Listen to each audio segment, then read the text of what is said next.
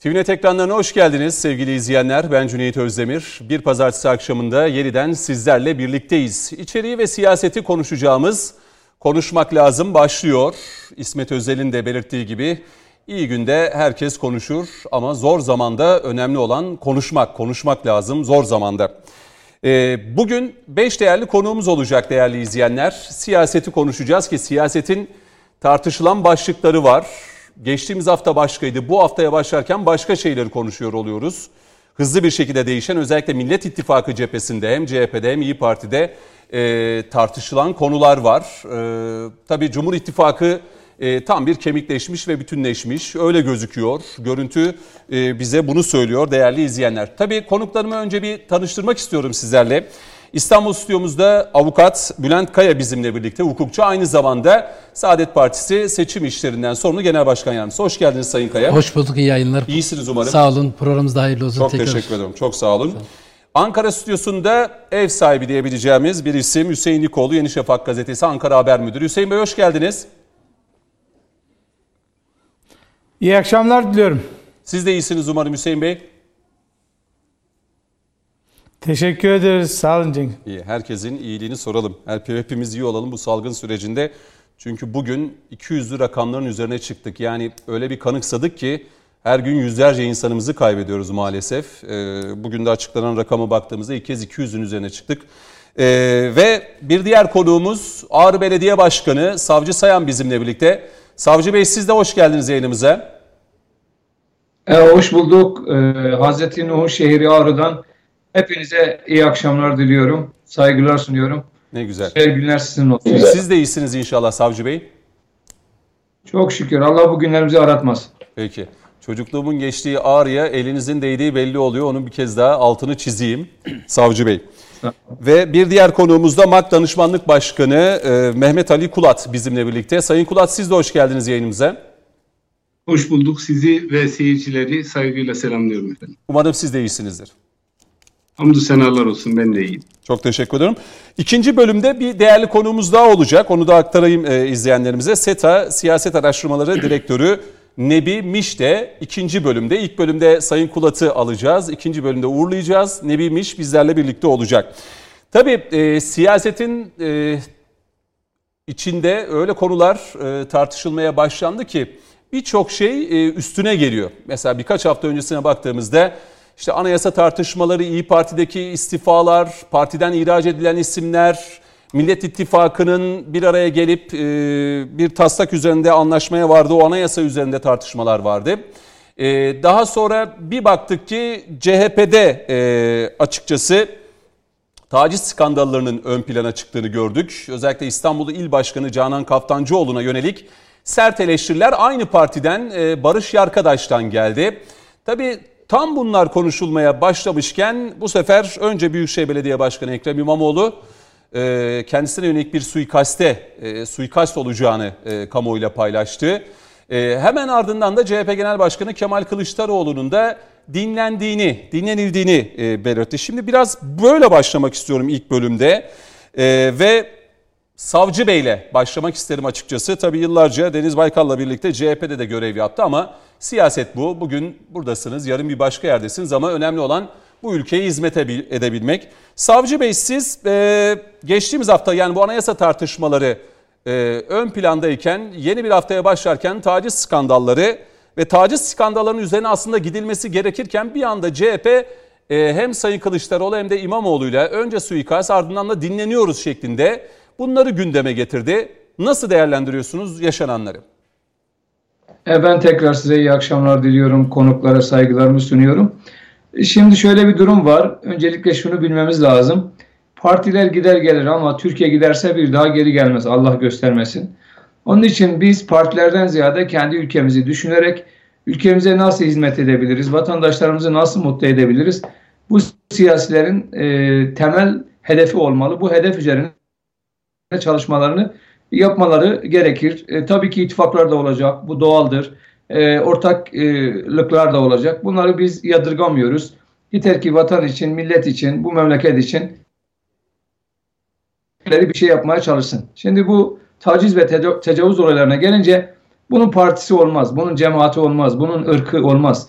Yani taciz eden kim olursa olsun, hangi camia mensup olursa olsun, eğer o camia tarafından korunmuyorsa, desteklenmiyorsa hepimiz için tehlikeli bir kişidir, tehlikeli bir durumdur. Dolayısıyla partisine bakmadan, düşüncesine bakmadan, ideolojisine bakmadan, ırkına, rengine bakmadan hepimiz bunu hem kınamalıyız hem buna yönelik tedbirler almak zorundayız.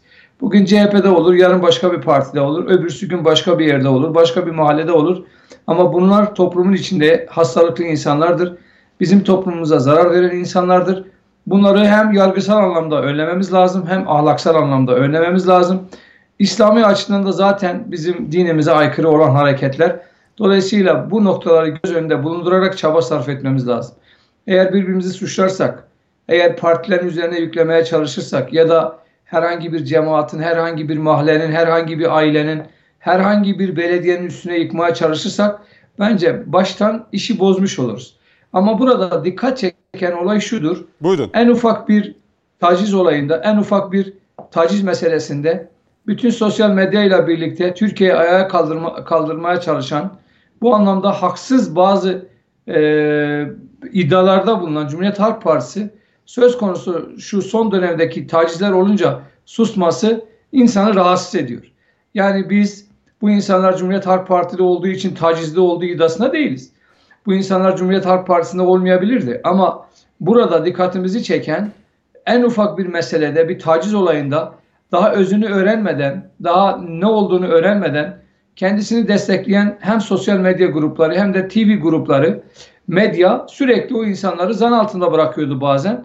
Doğru olanı da fazla abartıyorlardı. Ama Toptancı burada bir bakış açısıyla eleştiriler geliyordu. Yani burada CHP'yi genel anlamda bir e, toptancı bir bakış açısıyla değerlendirmek yanlış. Ama genelde AK Parti ya da AK Parti içerisinde böyle bir şey e, yaşanmış ol- olsaydı toptancı bir bakış açısıyla hep değerlendirme yapılıyordu.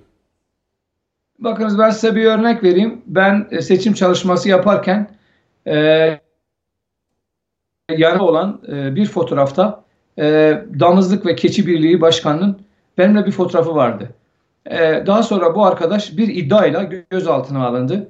Bir e, kızı, bir genç bir iddia edildi. Yargıda tabii bu seçim çalışmasında herkes bizimle fotoğraf çekebilir.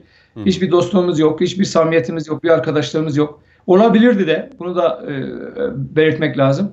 Fakat e, başta Tele1 olmak üzere ABC gazetesi, gerçek gündemde tutun da bütün o CHP yandaş olarak gözüken e, medya grupları adeta beni linç ettiler. Savcı Sayan'ın sağ kolu tacizden gözaltına alındı. Adam ne sağımda var ne solumda var. Ne sağ kolumdur ne sol kolumdur. Ne belediyede çalışan bir arkadaştır ne belediye ile ilişkisi olan bir arkadaştır. Ne de bir samimiyetim var. Ama e, iki gün boyunca sosyal medyada adeta beni linç ettiler. Hatta ben e, Tele1'in sahibine bir tweet attım. E, hakaretle birlikte cevap vermeye çalıştı. Ama aynı gruplar bu kaç gündür suskun kalıyorlar. E, hiçbir haber yapmıyorlar. Hatta üstünü örtmeye çalışıyorlar. Ha- Hatta yollu deyip kadınları aşağılamaya çalışıyorlar. Bizi rahatsız eden mesele bu. Biz Evet. bunları CHP'ye mal etmeyiz ki. Mal etmeyiz. Yani bu böyle bir vicdansızlık yapamayız.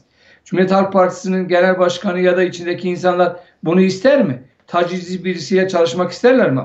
Asla. Ama ne var? Adaletli olacaksınız, hakkaniyetli olacaksınız. İnsanları eleştirirken hani bizim büyük bir atasözümüz var. Yani e, çuvaldızı batırınca iğneyi de kendine batır. Dolayısıyla bizim toplumda bu son 3-4 gündür e, toplumun rahatsız olduğu nokta burası.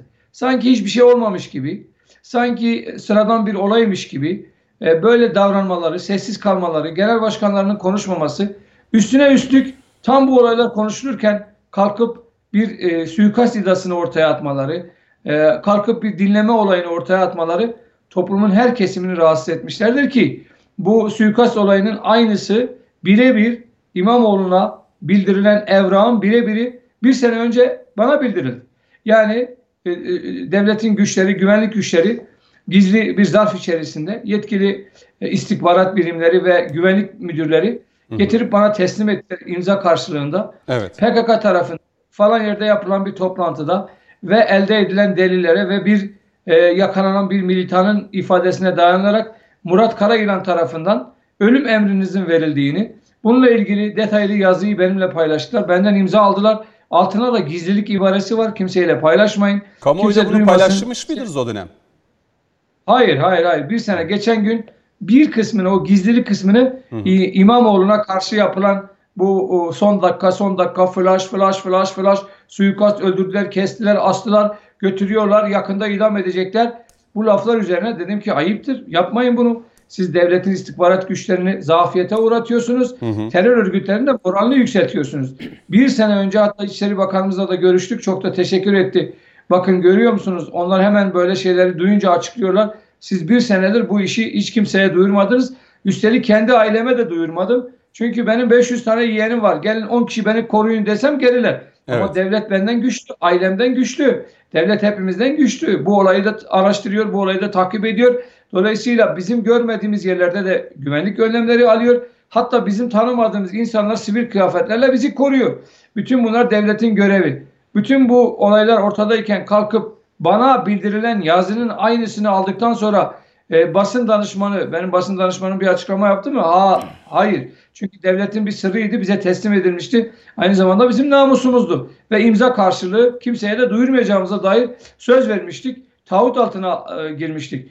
E, bunu kalkıp Türkiye'de bu kadar dünyada pandemi döneminde bütün devletlerin yoğun bir şekilde çaba sarf ettiği, gerçekten her anlamda etkilendiği bir ortamda Evet. vatandaşların moralini bozmak için, terör örgütlerini cesaretlendirmek için kalkıp böyle bir şeyi yandaş e, medya servis ederek flash flash flash flash flash kesiyorlar, öldürüyorlar demeleri hoş olmadığı gibi herkes dedi ki bunlar tecavüzün üstünü kapatmak için, bunlar tecavüzle e, tecavüzden dolayı gelen tepkilere karşı böyle bir şey e, dile getirdiler. Bu da bana göre e, algı yapayım derken kendileri çok büyük bir tuzağa düştüler. Bunu yapmamaları lazımdı. Terör örgütlerine moral kaynağı olmamaları lazımdı. Bu devletin sırrını devlete bırakmalıdılar. Peki. Çünkü devlet hepimizi koruyabilecek güçtedir.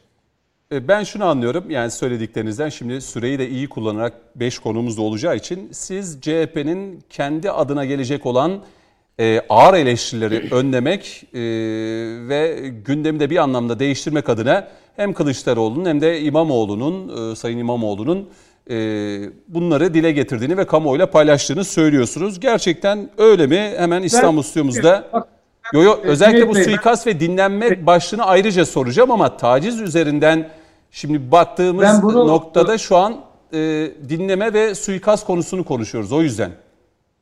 Bakınız ben onu demiyorum ama ben demesem bile vatandaş şu anda böyle düşünüyor, böyle görüyor. Diyor ki vatandaş, sokaktaki vatandaş, ben halkın içinde olan kardeşinizim. Sokaktaki vatandaş diyor ki siz bu kadar taciz olayı ortadayken hiç konuşmuyorsunuz da niye durup dururken taciz olaylarının tam e, pik yaptığı bir noktada kalkıp hem bu dinleme olayını hem de bu suikast olayını gündeme getiriyorsunuz. Evet. Aslında ben CHP'lere yardımcı oluyorum. Aslında ben onları uyarıyorum. Yapmayın. Peki. Algı yapayım derken kendiniz girdiniz bu tuzağa. Böyle şeylerle uğraşmayın. Ülkenin bugünkü durumu bunu kaldırmıyor. Ülkenin bugünkü durumu bunu hazmedemiyor. Çünkü herkes gerçekten zor durumda. Kimse kimseye gidemiyor. Anne babayı, baba anneyi kabul edemiyor. Çocuklar babalarını, babalar çocuklarını misafir edemiyor. Böyle bir ortamda moral için birbirimize destek olmamız gerekirken, tacize uğrayan kadınların haklarını savunmamız gerekirken, onların meşrebin ne olursa olsun, partisi ne olursa olsun hepimizin ortak değerleridirler. Bu değerlere sahip çıkmamız gerekirken kalkıp tam tersine tacizcilerin elini rahatlatmak ya da onların olayların üstünü kamuoyundan uzaklaştırmak için, üstünü kapatmak için isteyerek ya da istemeyerek, bilerek ya da bilmeyerek böyle bir olayın içine girmeleri Cumhuriyet Halk Partisi'ne yakışmamıştır. Peki. İstanbul gibi büyük bir şehrin belediye başkanına yakışmamıştır. Zaten genel başkan için de söyleyeceğim bir şey yok. Peki. Şimdi Sayın e, Bülent Kaya ile devam etmek istiyorum. Hem Sayın Kulat hem de Hüseyin Likoğlu'nun da görüşünü alacağım.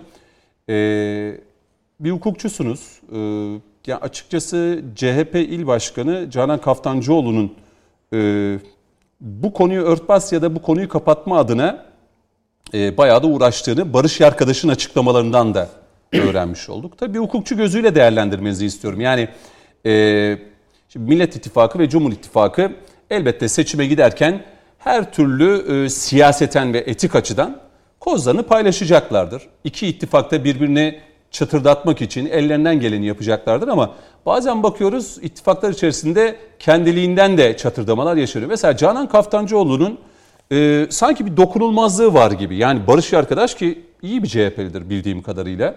E, bu iddiaları gündeme getirdi, ortaya attı ve ne Sayın Kılıçdaroğlu ne de Canan Kaftancıoğlu'dan bu iddialarla alakalı tek bir cümle duyamadık açıkçası. Nasıl görüyorsunuz yani durumu? Şimdi şöyle Cüneyt Bey yani biz madem hem bu e, taciz iddialarının hem de bu suikast ve dinleme iddialarının gündemi değiştirme amaçlı ya da Öyle olduğunu belli bazı musunuz? şeylerin örtbas edilme amaçlı olduğunu düşünüyorsak bizim konuşmamamız lazım. Alet olmamamız lazım o işlere. Çünkü Türkiye'nin şu an ekonomiyle ilgili çok ciddi sorunları var ki Sayın Cumhurbaşkanı ekonomide reformdan bahsediyor.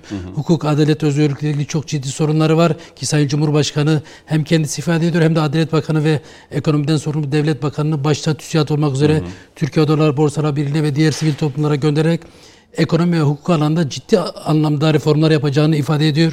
Yine Avrupa Birliği'ne bir mesaj olarak biz geleceğimizi Avrupa'da arıyoruz. Dolayısıyla bizim Avrupa hayali dışında bir hayalimiz yok. Avrupa standartlarına da bir demokrasi ve hukuk devleti için e, atılması gereken adımları kararlılıkla atacağız gibi yaklaşımları var. Bütün bunları veya işte pandemi siz az evvel program Evet, girişinde evet. bahsettiniz yaklaşık 200 kişilik bir sayıya ulaşan günlük ölüm vakalarımız var. İşte 30 binleri bulan e, Vaka vaka, sayımız var. sayımız var.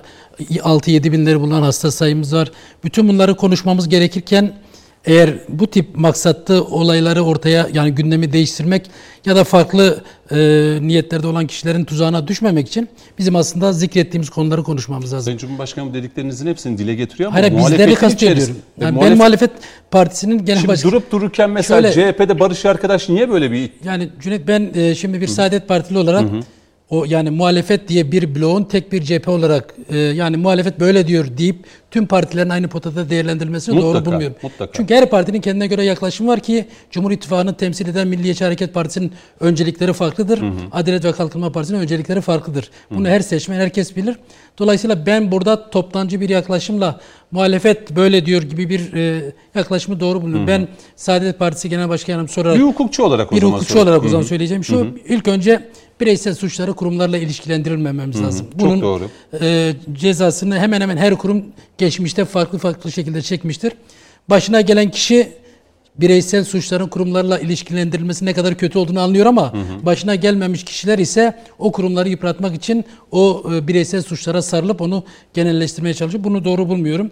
Bir diğeri de bireysel suçların camialara, inanç gruplarına ya da belli bir e, dünya görüşüne sahip olan insanlarla ilişkilendirilmesini de doğru buluyorum. Bu etnik bir e, kimlik olabilir, mezhepsel bir kimlik olabilir veya bir yaşam tarzı olabilir. Yani bireysel suçların bunlarla da bağlantılandırılmasını e, doğru bilmiyorum. Bir diğer husus da şu, beraat-i zimmet esastır. Yargılanıp suçu kesinleşmemiş hiçbir, hiçbir kimse hakkında sanki suçu işlemiş ve suçu sabitmiş gibi değerlendirme yapılmasını da doğru bulmuyorum. Çünkü bu hem inancımızın hem evrensel hukuk sisteminin e, tasvip etmeyeceği bir şeydir.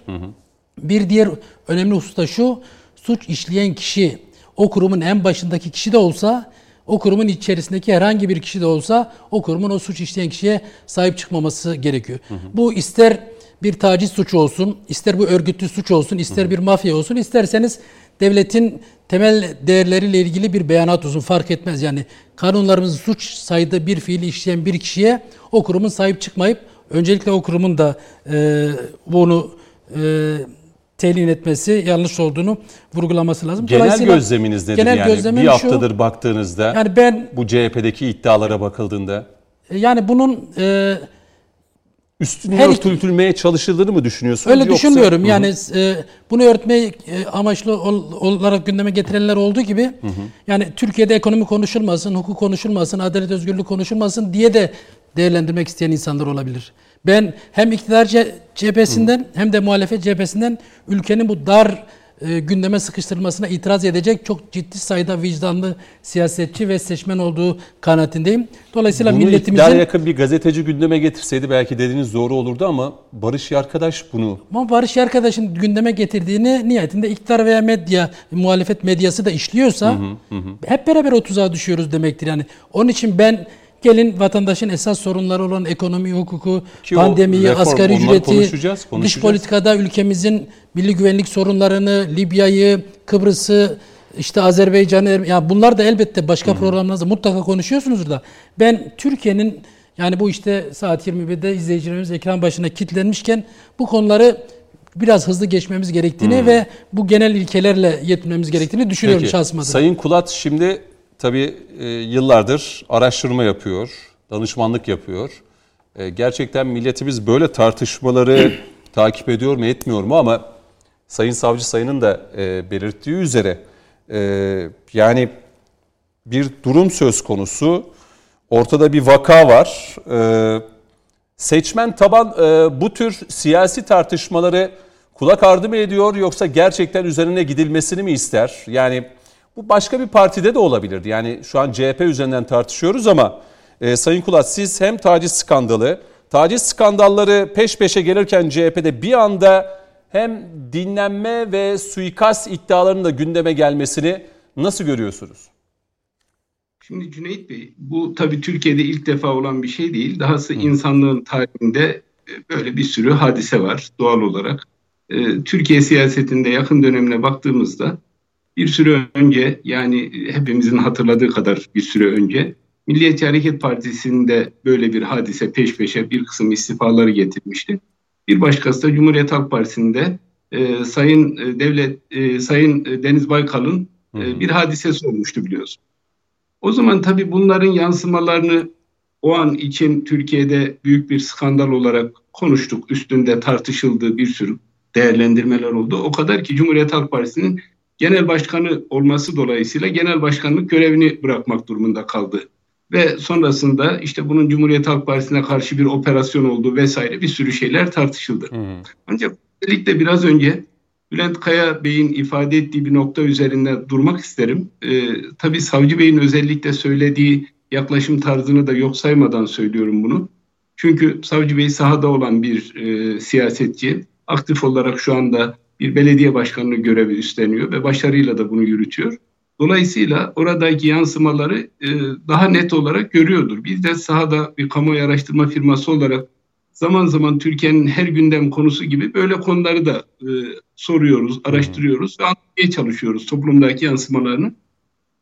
Ama inanın e, toplumun gündeminde bu konular yani e, eğer zaman dilimi olarak 24 saatlik zaman dilimi içerisinde bir zamana hasredilecek olursa e, gerçekten ekonominin çok sıkıntılı olduğu bir dönem. Çünkü pandemiye bağlı sorunlar da var Türkiye'de. Hı hı. Konduğunda e, bu konuları inanın toplum neredeyse hiç konuşmuyor, hiç e, ciddiye almıyor, hiç üstünde değerlendirme de yapmıyor. Çünkü Türkiye'de son dönemlerde bu tür çok konular oldu.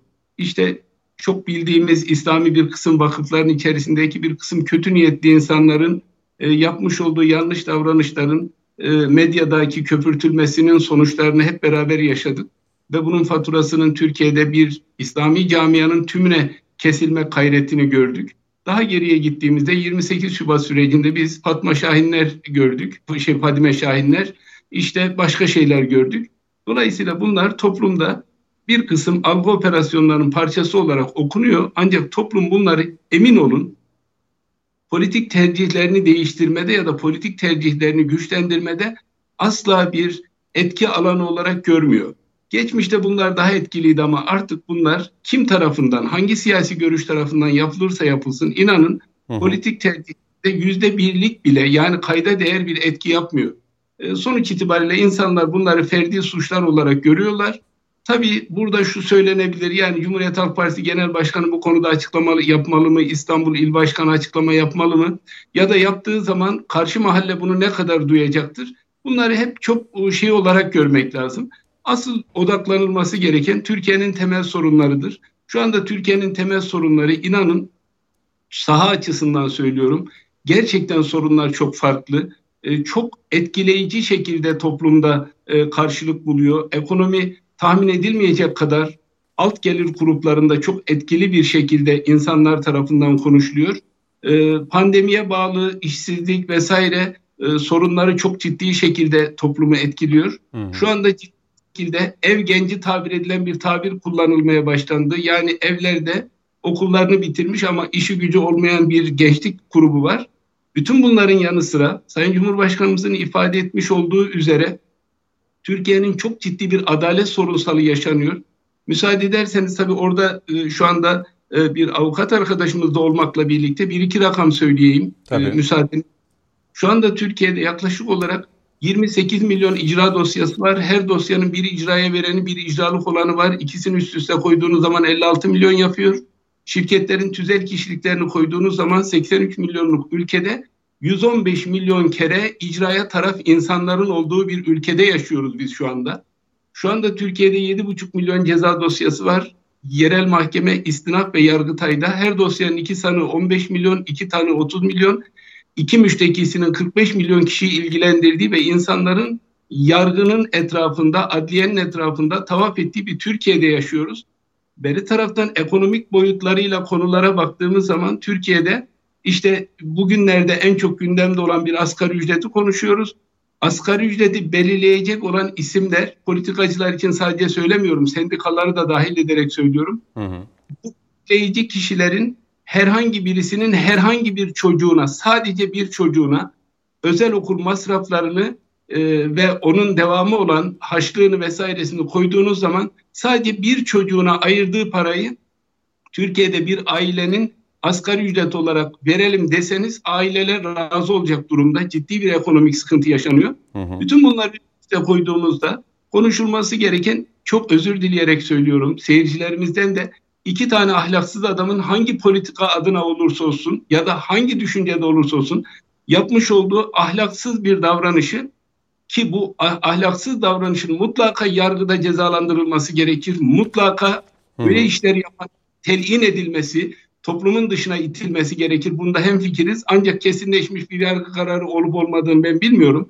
Dolayısıyla üzerinde durulması gereken konu asla iki tane kişinin ya da belki 200 kişi bile olsa böyle ahlaksız insanların ahlaksızlıklarını değerlendireceğimize, toplumun genel sorunlarına odaklanıp bu sorunları çözme konusunda başta siyasi irade olmak üzere muhalefetin beraber olarak bu sorunları çözmeye odaklanması gerektiği kanaatindeyim. Öncelikli olarak bunu ifade Peki. etmek istedim.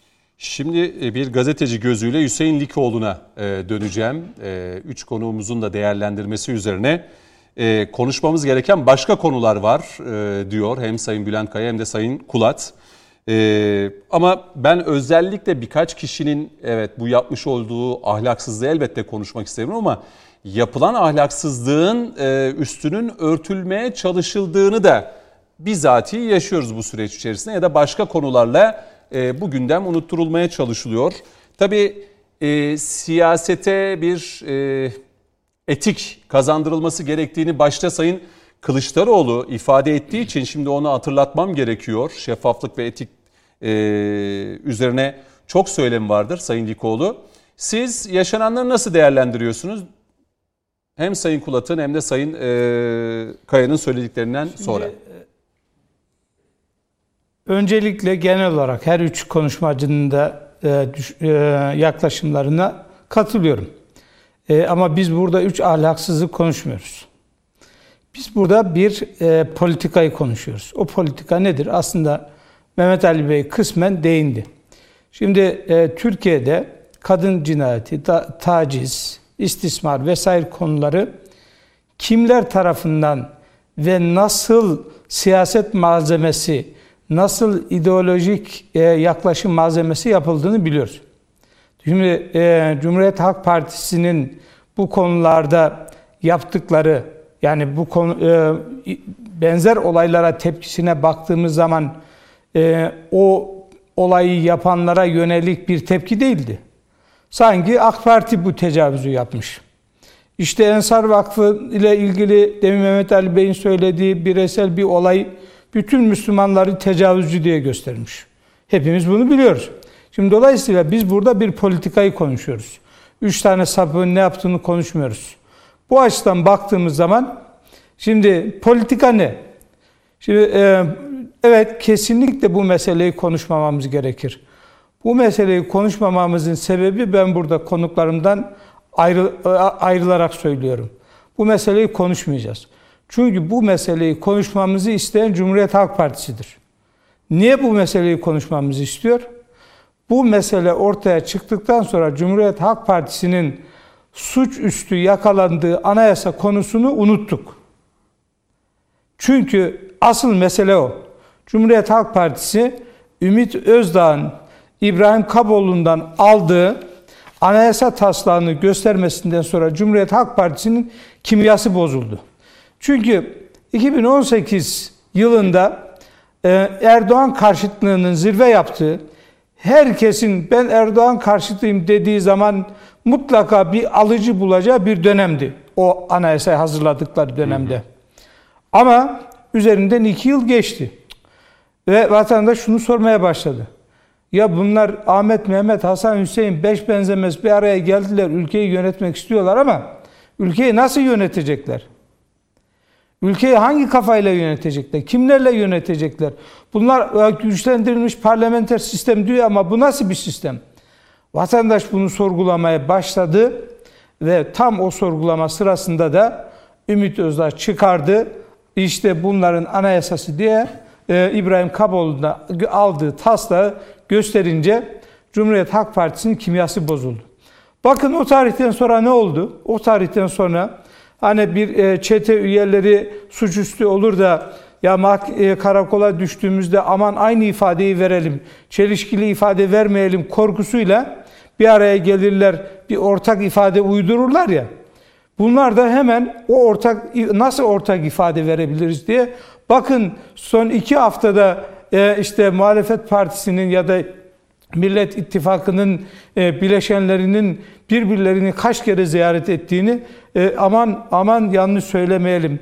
Hele hele Sayın Meral Akşener'in e, Kemal Kılıçdaroğlu anayasa çalışması yapan dört partinin ismini sıralarken ya dördüncü parti ağzında HDP çıkacak korkusuyla daha Kılıçdaroğlu ağzını açmadan hemen Demokrat Parti diyerek dördüncü partiyi eklemesi.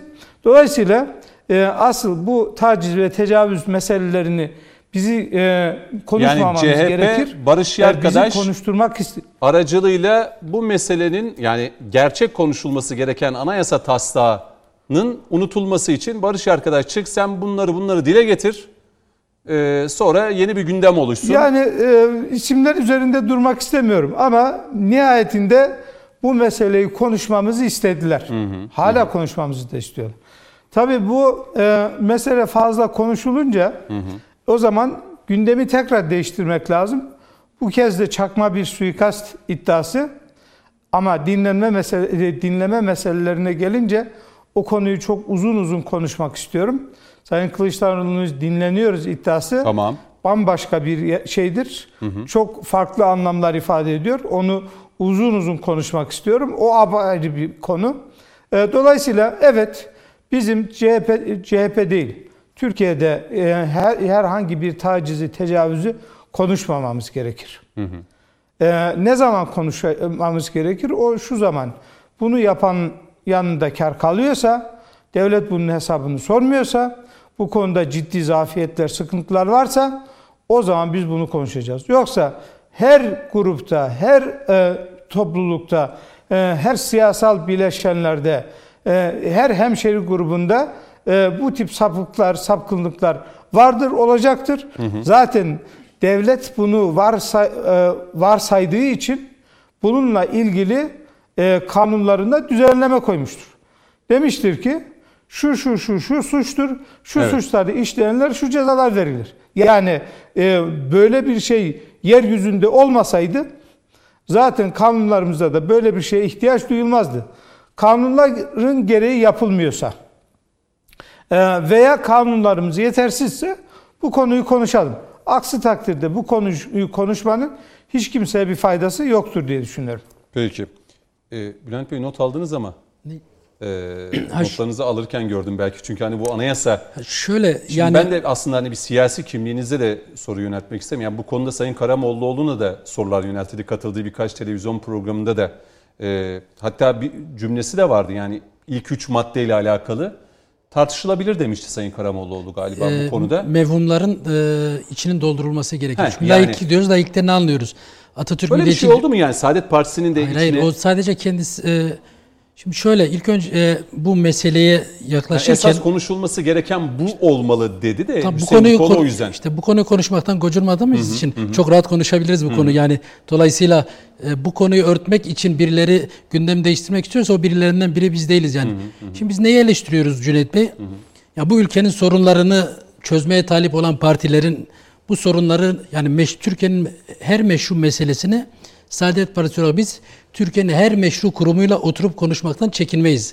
Ama Sayın Ümit Özdağ Türkiye'nin herhangi bir meselesini buna anayasa demeyin de pandemi deyin, deprem deyin.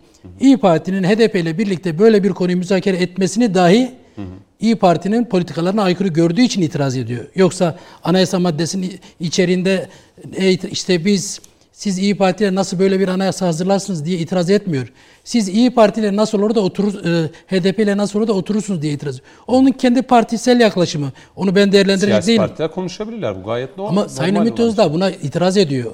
HDP'yi meşru göremezsiniz diyor. Onunla aynı masaya oturamazsınız diyor. İtiraz noktası, çıkış noktası bu. Anayasa taslağın içeriğine İçine, itiraz içerine ediliyor. girmiyor. HDP ile yapılan şimdi ben de diyorum ki Saadet Partisi bizim ister AK Parti olsun, ister Milliyetçi Hareket Partisi olsun, ister HDP veya İyi Parti, CHP fark etmiyor. Biz Türkiye'nin her meşru meselesini her parti, her kurumla oturup konuşuruz. Mutlaka. Önemli olan ne konuştuğumuzdur. Yani biz eğer Türkiye'nin bir e, birliği, beraberliğin aleyhine bir adım atmışsak o adımlara dair bize sorular soruyor. İkincisi şu, eğer HDP oturup konuşmak yani bir anayasa yapmak suç ise şimdi Türkiye Büyük Millet Meclisi'ni HDP'li başkan vekili yönetiyor. Bütün yasa çalışmalarının hepsinde HDP'nin hem altında imzası var. HDP'li grup başkan vekili Nimetullah Erdoğmuş meclise başkanlık ettiği zaman AK Parti grup başkan vekili dahil olmak üzere herkes Sayın Başkan diye söz istiyor. HDP'li başkan vekili söz verirse yasama çalışmalarına katılabiliyor. Ve HDP'li grup başkan vekili istediği an oturuma ara verebiliyor. Her komisyon topla yani yasa, meclise gelen her yasa ilk önce meclis komisyonlarında konuşulur ve her komisyonda HDP'li üyeler var. Kimilerine kabul oyu veriyorlar. Tamam bu gayet Kim- olması gereken. Şimdi Bunu- ben de diyorum ki yani ilk Ne önce olması lazım, olmaması Cüneyt mı Bey, gerekiyor? Genel ilkeler yani ne ben şu neyle suçlu yani neyin suç olduğunu öğrenmeye çalışıyorum. Şimdi ilk önce Ya bir suç olarak mı Hayır, şu görüyorsunuz veya- Sayın gö- siz? Likoğlu için söylemiyorum ben bunu. Yok yok. Hayır, Özdağ- genel anlamda sanki yani şöyle ben e, yani Sayın Hüseyin Bey'in yaklaşımlarına bir itir- itirazım yok. O kendi gazeteci olarak değil. Ben sadece hani bir olayı anlamaya çalışıyorum. Şimdi sizin Türkiye Büyük Millet Meclisi'ni ve milletin ve meşru makamı olan Türkiye Büyük Millet Meclisi'nde bir araya gelmeyi meşru gördüğünüz bir partiyle dışarıda oturup görüşmeyi niçin gayrimeşru görelim? Yani bu temel yaklaşımları bir tarafa bırakalım. Şimdi örneğin HDP'li bir Ağrı İl Başkanı Sayın Savcı Sayın'ı ziyaret etmek isterse yok mu diyecek. Bu ülkenin partisi kabul eder ama elbette HDP'li başkan veya üye e, yanlış bir kelime kullanırsa ya da suç işlerse ilk önce Sa- Sayın Savcı Sayan itiraz eder. Sayın Hüseyin Bey itiraz eder. Ben itiraz ederim. Mehmet Ali Kulat Bey itiraz eder. Yani dolayısıyla ilk önce bu temel tespitleri ortaya ama koymak genel lazım. anlamda şimdi bu Şimdi- ilk mevzu çıktığında Sayın Kılıçdaroğlu'nda da Sayın Şener'de de bir panik gördük. Ya onlar ben işte diyorum ki yani partilerin e, topyekün değerlendirmesine itiraz ettiğim için bu yaklaşımları ortaya koyuyorum. Şimdi Sayın Ümit Özdağ dediğim gibi pandemiyle ilgili Türkiye'nin şu an temel ve Azerbaycan'ın meşru haklarının koru- konuşulmasıyla ilgili bir toplantıyı bile HDP'nin katılmasını problem olarak görüyorsa o Sayın Özdağ'ın problemidir. O İyi Parti değerlendirir onu ama ben Saadet Partisi olarak diyorum ki biz Türkiye'nin her meşru meselesini her meşru muhatapla oturup konuşmaya hazırız. Tamam siz görüşmede bir, parti- sıkıntı olmadığını ben Hayır. de bu kanaatteyim sizinle Böyle ama bir görüşmeyle bir muhalefet partisinin suçlanmasını doğru bulmuyorum. Yani öncelikle bunu söylemeye İkincisi Sayın, Sayın eğer HDP ile birlikte anayasa yapmak suçsa 2010 yılında Sayın Cemil Çiçek meclis başkanı iken HDP, MHP, AK Parti ve CHP'nin yer, yer aldığı bir uzlaştırma komisyonu vardı. Her parti üstelik eşit temsil edildi. AK Parti'den iki milletvekili, HDP'den iki milletvekili, MHP'den iki milletvekili, CHP'den de iki milletvekili. Bunlar oturdular, birlikte anayasa yaptılar. Hatta 60 maddesi üzerinde uzlaştılar. Ve Sayın Tayyip Erdoğan o 60 maddede imzası olan HDP'lilerin yaptığı anayasayı da kabul ederek ya madem 60 madde üzerinde anlaştık hadi bunları meclisten geçirelim dedi. Dolayısıyla sorunu net bir şekilde ortaya koymak lazım. Şimdi biz meseleye bu şekilde yaklaştıktan sonra bize yani Saadet Partisi olarak bize şunu sormalarını isteriz biz kamuoyunun. size soruldu mu? Yani siz Bu- anayasa nasıl bir anayasa istiyorsunuz?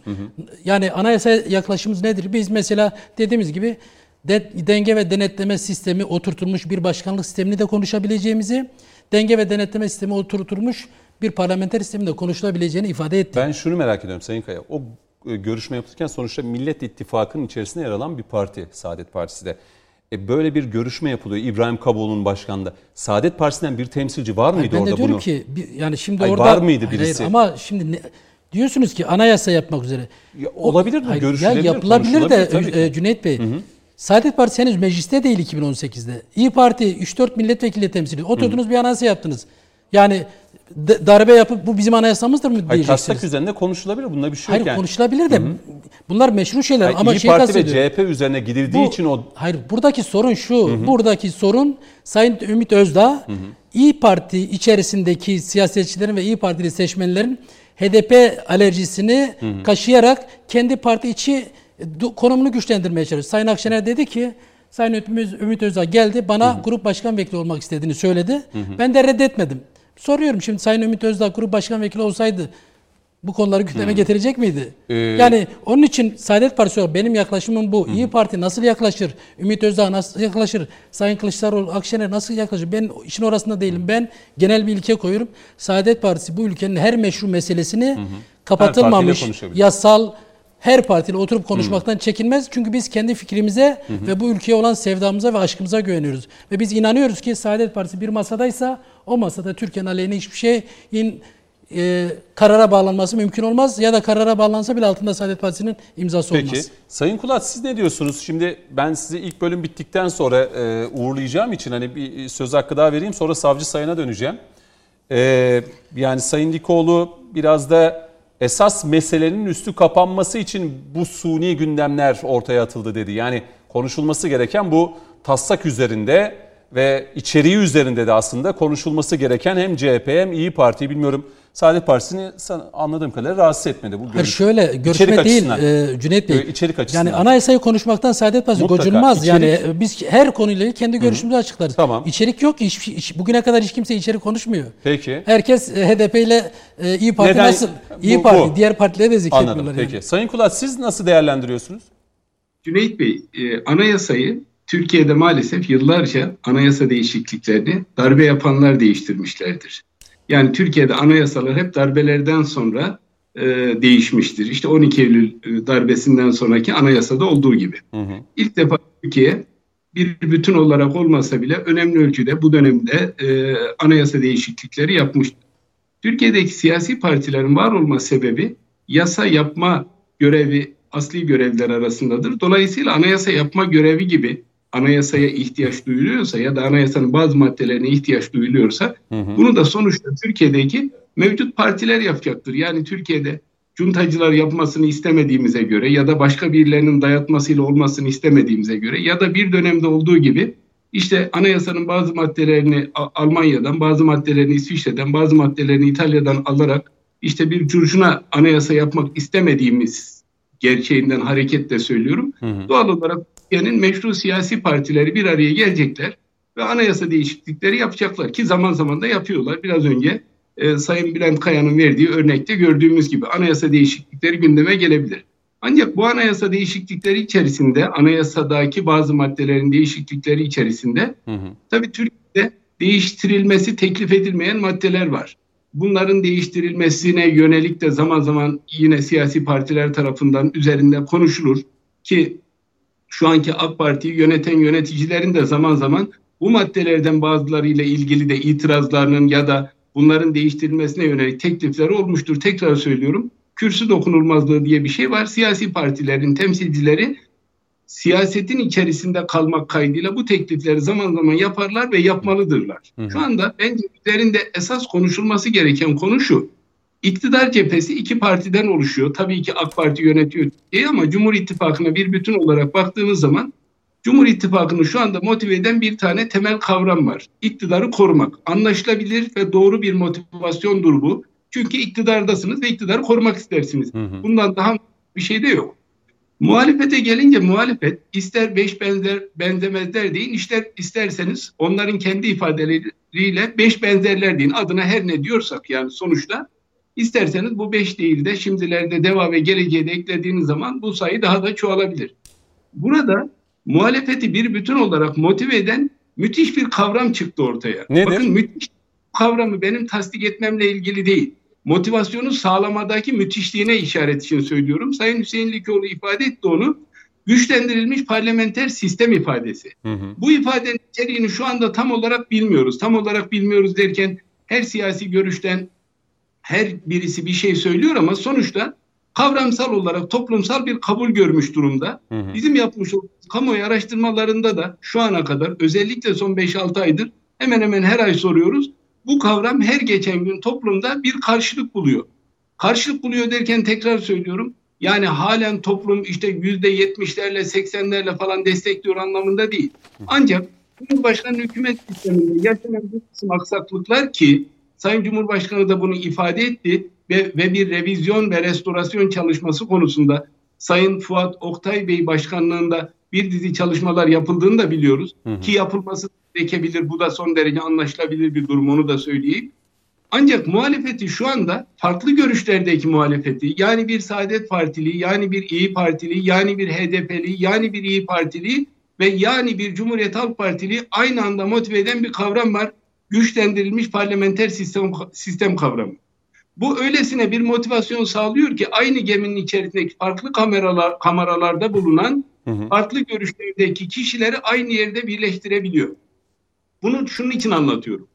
Önümüzdeki günlerde Türkiye en çok bu kavramı konuşacak ve öyle zannediyorum ki Sayın Cumhurbaşkanı da e, Cumhur İttifakı'nın e, doğal olarak amiral gemisinde bulunan Sayın Cumhurbaşkanı Adalet ve Kalkınma Partisi Genel Başkanı sıfatıyla güçlendirilmiş parlamenter sistem ifadesiyle ifade edilir mi ya da başka bir kelimeyle mi ifade edilir onu bilemiyorum ama bu anlamda bir adım atacaktır. Çünkü muhalefeti gerçekten müthiş derecede motive ediyor bu kavram ve bu kavram özellikle Cumhurbaşkanlığı hükümet sisteminden kaynaklı bütün Siz sorunlar. muhalefetin bu içi e, yani güçlendirilmiş parlamenter sistem cümlesinin içini doldurabildiğini düşünüyor musunuz? Yani evet bir kavram Sayın Likol da bel, yani belirtti hep bu dile getiriliyor. Sayın Akşener, evet. Sayın Kılıçdaroğlu güçlendirilmiş hatta Saadet Partisi de değil mi aynı şekilde güçlendirilmiş parlamenter sistem mi diyor Sayın Kaya?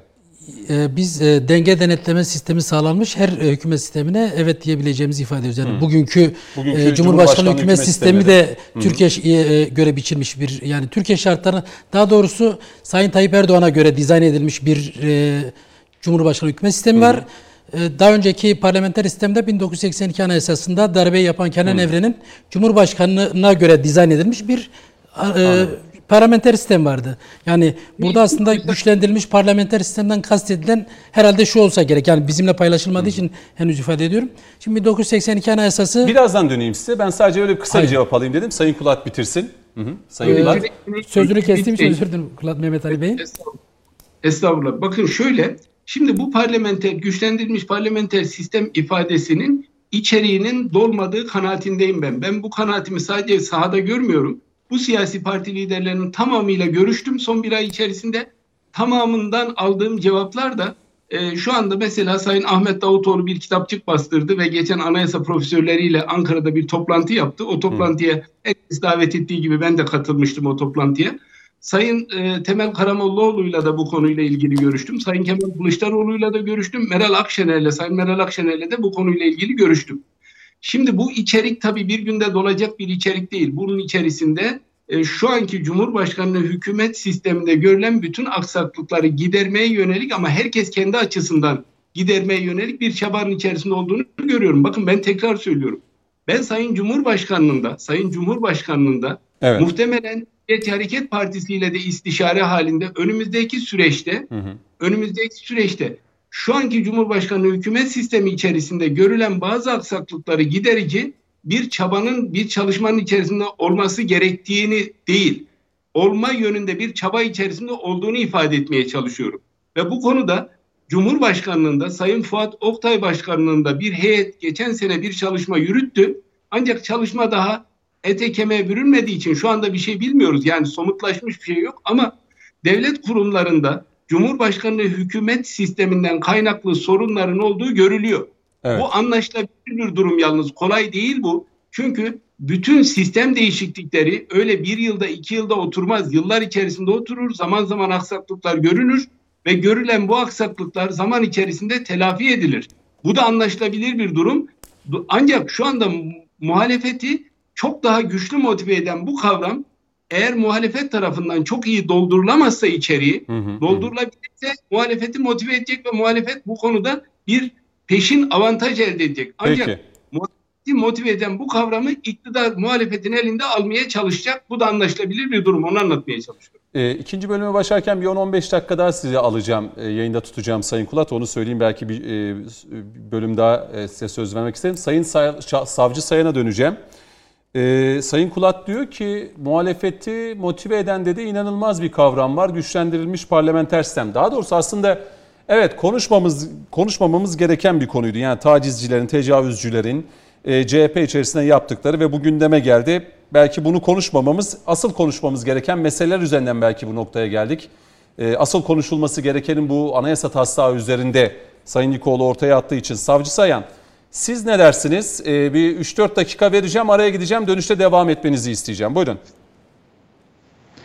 Şimdi tabii ülkeler yeni anayasa yapma hakkına sahiptirler. Dolayısıyla hem iktidar olsun hem muhalefet olsun bir anayasa üzerinde uzlaşabilirler. Ama bunu kamuoyunun önünde açık bir şekilde herkes dile getirebilir. Herkes çekincelerini ya da olması gereken kanunları, yasaları öne sürebilir. Önemli olan burada vatanın birliği, bütünlüğü, beraberliği, bayrağın tekliği, vatanın tekliği, devletin tekliği, milletin tekliği bunları kabul ettikten sonra anayasa üzerinde elbette ki muhalefetin de iktidarın da görüşleri olabilir, öne sürülebilir, gerekirse kamuoyuna sorulabilir, e, referandum yapılabilir. Türkiye bütün bunları denedi, yaptı.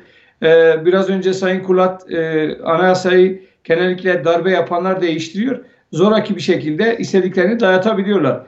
Ama demokratik iktidarlar zoraki bir şekilde dayatamadık, e, dayatamayacaklarına göre dolayısıyla tartışmayla e, halkın beğenisine sunarak halkla birlikte bu anayasaları yapabilirler. Dikkat ederseniz AK Parti'nin iktidara gelişinden bugüne kadar anayasada birçok değişiklik yapılmıştır. Birçok maddede değişiklik yapılmıştır. Ama zaman içerisinde bunların bazılarının yeterli olmadığını AK Parti yine kendisi görmüştür ve bu anlamda da büyük çabalar sarf etmektedir.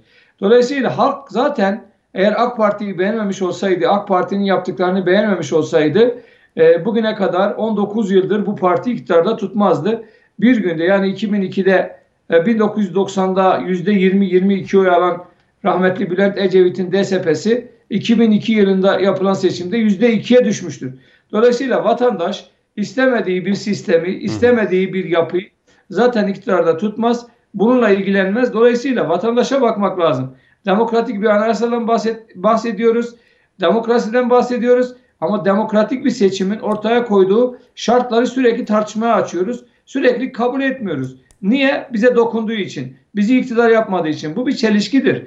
Yani eğer siz demokrasiye inanıyorsanız, siz demokratik bir yapıya inanıyorsanız, demokratik bir anayasa yapılsın diye çaba sarf ediyorsanız hı hı. o zaman demokratik e, bir seçimle iş başına gelen iktidara da saygı duyacaksınız. Kıymetsizsiniz, bir şeye yaramıyorsunuz, bu ülkeyi yönetemiyorsunuz. Evet bazen eleştiri olur ama halkın kararına da saygılı olmak lazım. Ben Türkiye'deki muhalefette ki ben muhalefette çok yakinen tanıyan birisiyim. Hı hı. Bunu görmüyorum. Yani bir Sayın Erdoğan düşmanlığı üzerinde bina edilmiş, inşa edilmiş tamamen benzemezlerin bir araya geldiği bir muhalefet anlayışı vatandaştan gereken takdiri görmüyor. Ama e, her ne hikmetse muhalefet bu yanlışını görmüyor. Ama niye biz 19 yıldır iktidara gelemedik diyemiyor. Niye vatandaş bizi iktidara yap yapmıyor diyemiyor. Sürekli vatandaşın iktidar yaptığı AK Parti'ye ve onun Sayın Genel Başkanı'na saldıra, saldırarak belden aşağı kelimelerle, hakaretlerle günü kurtarmaya çalışıyor. Bu hiç kimseye bir şey kazandırmaz. Bakın bunu iyi ölçmek lazım. Şimdi bir araya gidelim Savcı Bey. Bir araya gidelim. 3-4 dakika sonra yeniden sizle başlayacağım. Bir araya gidelim. Konuşmak lazım devam edecek.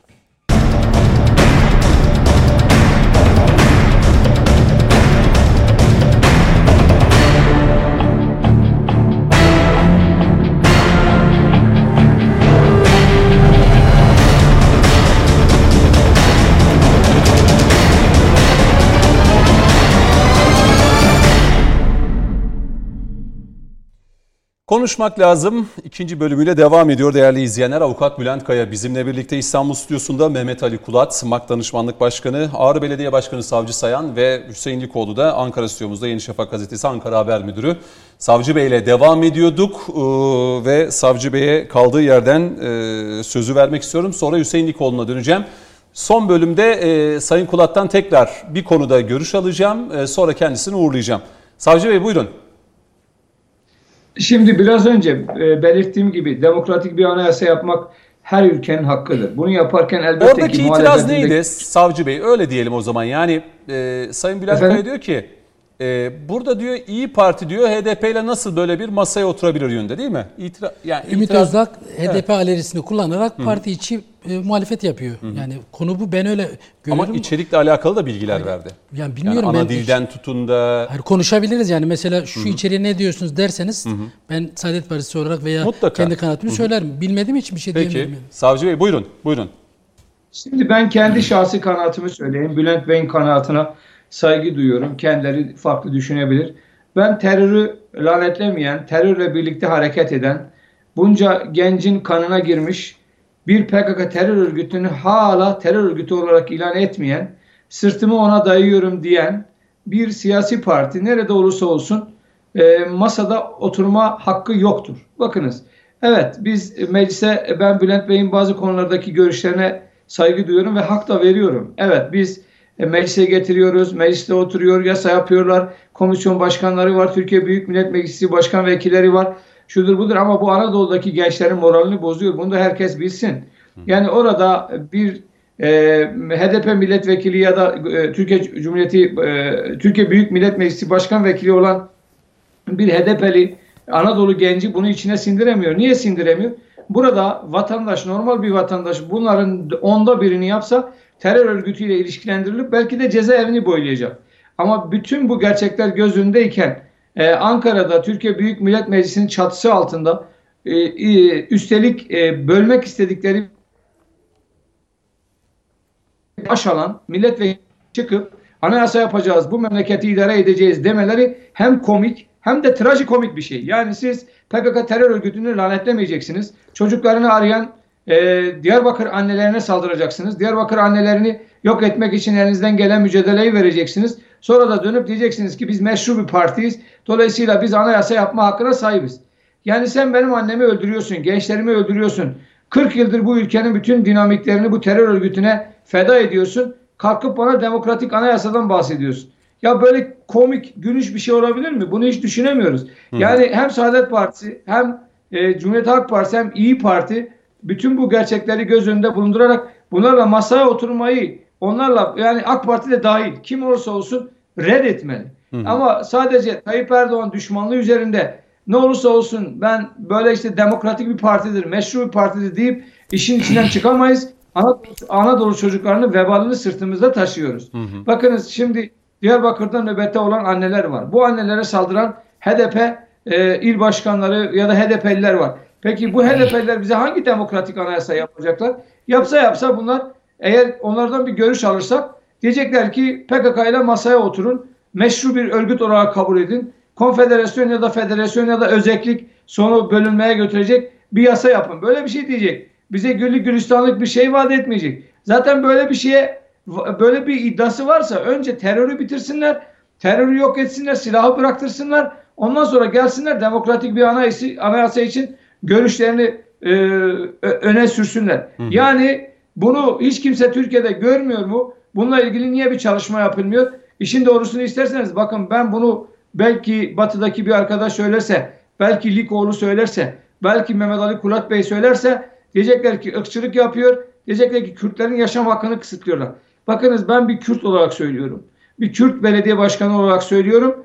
Bunlar yanlış şeylerdir. HDP ile PKK'yı e, dışlamayan, PKK, PKK terör örgütü demeyen, e, PKK'nın e, APO'nun heykelini dikeceğiz diyen bir anlayışla Türkiye demokratik bir anayasa yapmak için oturabiliriz dersek hem kendimize hem ülkemize hem şehitlerimize hem bu insanlara haksızlık etmiş oluruz. Peki. Bunu yapmayalım. Peki. Elbette Sayın- ki bu ülke Sayın Savcı Sayan Ağrı Belediyesi'ni HDP'li meclis üyeleriyle beraber yönetmiyor mu şu an? Bir soru Bakınız var. ben bakınız ben HDP'li belediye meclisi üyeleriyle birlikte yönetirken onların görüşlerini bildiğim için ben onları o anlamda hiç dikkate almıyorum. Kimse kusura bakmasın. Çünkü ağızlarını açtıklarında biz APO'ya özgürlük istiyoruz. Ağızlarını açtıklarında eğer bana HDP'li meclis üyeleri biz PKK'yı terör örgütü olarak ilan ediyoruz, kabul ediyoruz. PKK terör örgütüdür. Bu ülkeye kan getirmiştir, gözyaşı getirmiştir derlerse seve seve ben onlarla her şeyi konuşabilirim. Yönetime de e, e, yani ortak şeyler de söyleyebiliriz. Ama şu anda ben Türkiye'deki meclisin ortaya koyduğu yasalardan dolayı aynı ortamda bulunuyorsak, aynı havayı soluyorsak, Hı-hı. aynı belediyenin belediye meclis üyeleri olsak dahi, olsak dahi ben onların anlayışına katılmıyorum. Dolayısıyla HDP ben böyle bir söylem değişikliğine giremez mi? Çok mu zor?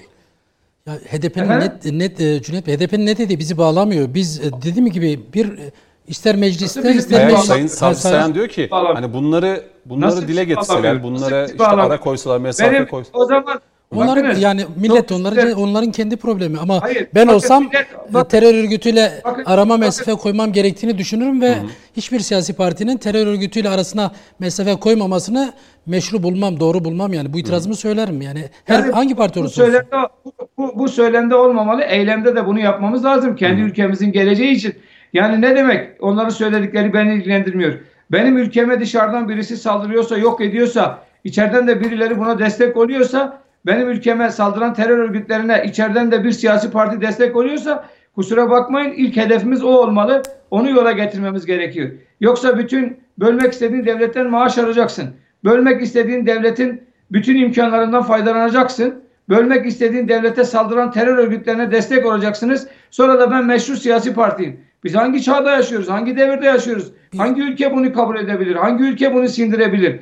Amerika'da böyle bir şey olsa kabul edilebilir mi? Almanya'da böyle bir şey olsa kabul edilebilir mi? Başka yerde hiçbir ülkede bu ayrılıkçı bir terör örgütünü savunan bir siyasi parti kalkıp mecliste bütün imkanlardan faydalanarak bu vatandaşın gözünün içine baka baka bu vatandaşın bayrağına, bu vatan, vatan, bu vatandaşın toprağına küfür edemez. Biz Peki. bunu görüyoruz. Savcı Bey. Bu sadece bu sadece muhalefetin bu sadece muhalefetin bertaraf edeceği bir tehlike olmayabilir. Hı hı. Bununla birlikte iktidar partileri gerek MHP olsun gerek AK Parti olsun e, diğer partiler de bu anlamda tavırlarını göstermelidirler. Savcı Bey Bakınız, birazdan ay- devam etmenizi isteyeceğim. Belki Bülent Bey de bir e, Sadece şu, bir şey söyleyecek de yok.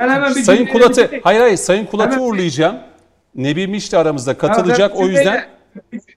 Bakın yanlış bir anlaşılma olmasın diye Cüneyt ben bir cümleyle ben Cüneyt Bey Sayın Kulat e, gitmeden bitireyim. önce bir şey söylemek yani şimdi istiyorum. siz siz bakınız Biden kazandı Amerika'da. Hı hı. Cumhuriyet Halk Partisi eğer Biden'ın Trump, Trump'ın iddia ettiği gibi Trump'ın iddia ettiği gibi ve ki çok veriler de onu doğruluyor.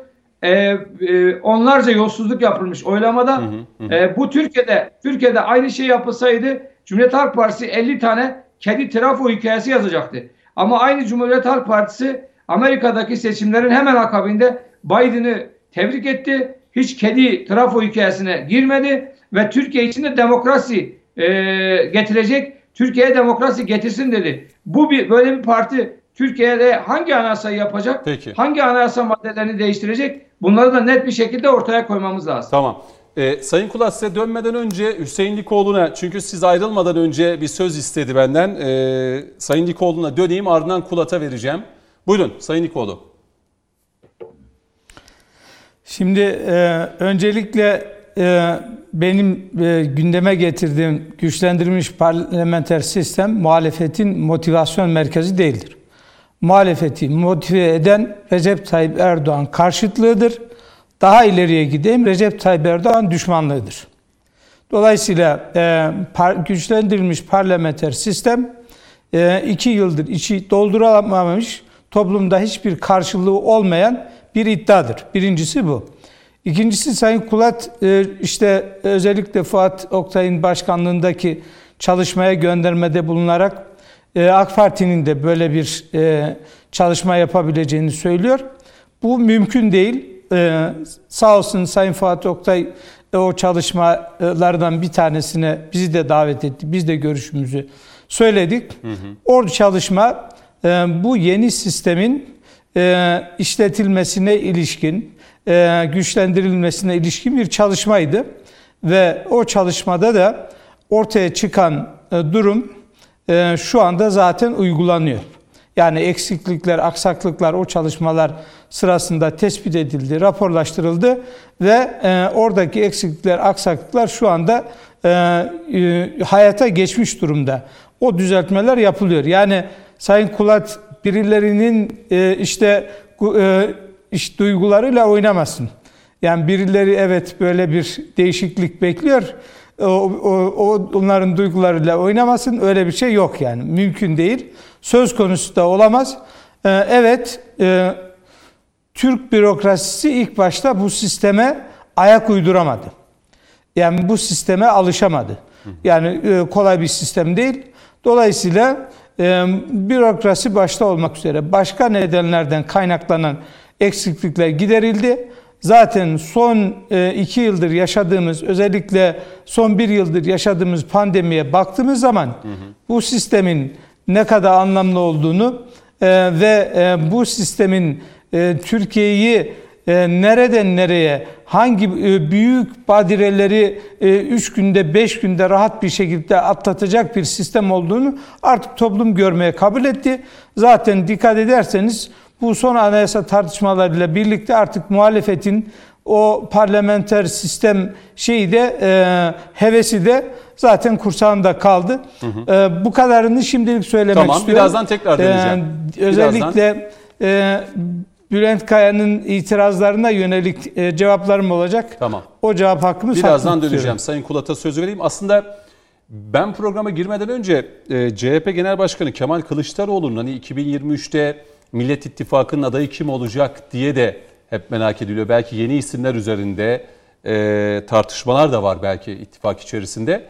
E, aday olacak mısınızla e, alakalı Sayın Kılıçdaroğlu e, kim demiş aday olmayacağımı diye bir e, değerlendirmesi oldu. Yani sanki e, Sayın Kılıçdaroğlu da e, aday olabilirim mesajını mı vermek istedi? Tabii siz de bugünkü o değerlendirmeni takip edebildiniz mi Sayın Kulat? Açıkçası onu sormak istedim. Çünkü Millet İttifakı içerisinde Cumhurbaşkanı adayının kim olacağı da az önce dediğiniz şey DEVA da belki Gelecek Partisi de bu ittifakın içerisinde yer alacak. Öyle gözüküyor.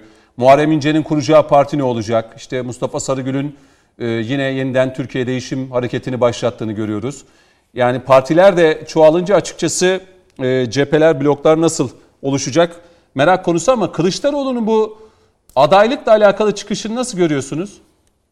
Cüneyt Bey, önce e, Sayın Likoğlu'nun söylediği bir ifadeyi yani e, ben kendi görüşüm olarak Tabii. ifade ettim. Hala görüşümün arkasındayım. Önce onu söyleyeyim. Hı hı. Ben bir sistemin, hiçbir beşeri sistemin değiştirilemez olduğunu düşün yani düşünmem. Değiştirilebilir onu hı ifade etmeye çalışıyorum. Hı.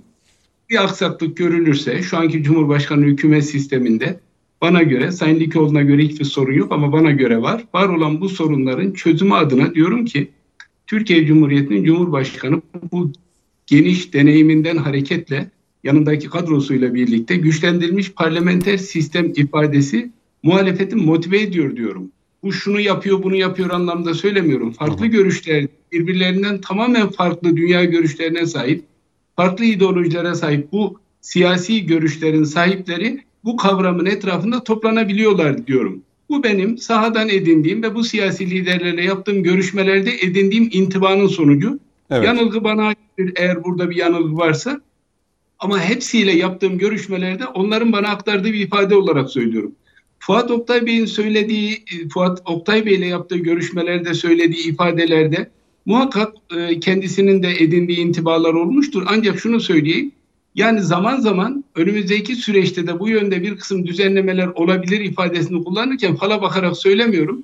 Sonuç itibariyle bunun olması gerektiğine de inanarak söylüyorum. Çünkü her sistem zaman içerisinde revize edilmesi gerekir. Nihayetinde kul yapımıdır bunlar. Değişen dünya şartlarında zamanın şartlarına uygun bir kısım revizyonların, restorasyonların yapılması beklenir. Beklenmesinden daha doğal da bir şey yoktur. Değişmeyen tek şey değişimin kendisidir. Şimdi burada önemli bir noktanın üzerinde durmak isterim. Ee, iktidar partisinin yani AK Parti'nin ve Milliyetçi Hareket Partisi'nin doğal olarak yanında daha önceden fotoğrafı şuydu. İnsanlar AK Partili seçmen sandığa gidiyordu. Ve AK Parti'den başka bir partiye de oy veremeyeceği için yani özellikle ana muhalefete vermek gibi bir düşüncesi olmayacağı için AK Partili'nin gözüyle söyleyeyim. AK Partili bir seçmen düne kadar ezanı değiştiren, işte dini değerlere saygısız bir Cumhuriyet Halk Partisi'ne oy veremediği için gidip oy vermiyor ya da işte boş oy kullanıyordu ya da işte ittifakta beraber olduğu için Milliyetçi Hareket Partisi'ne oy veriyordu. Aynı ittifakın içinde yer aldığı için hı hı. dolayısıyla ittifakın, oy, ittifakın oyunu arttırma anlamında bir katkısı olmuyordu. ilave bir şey sağlayamıyordu. Sadece aynı ittifakın içinde cereyan ediyordu oylar.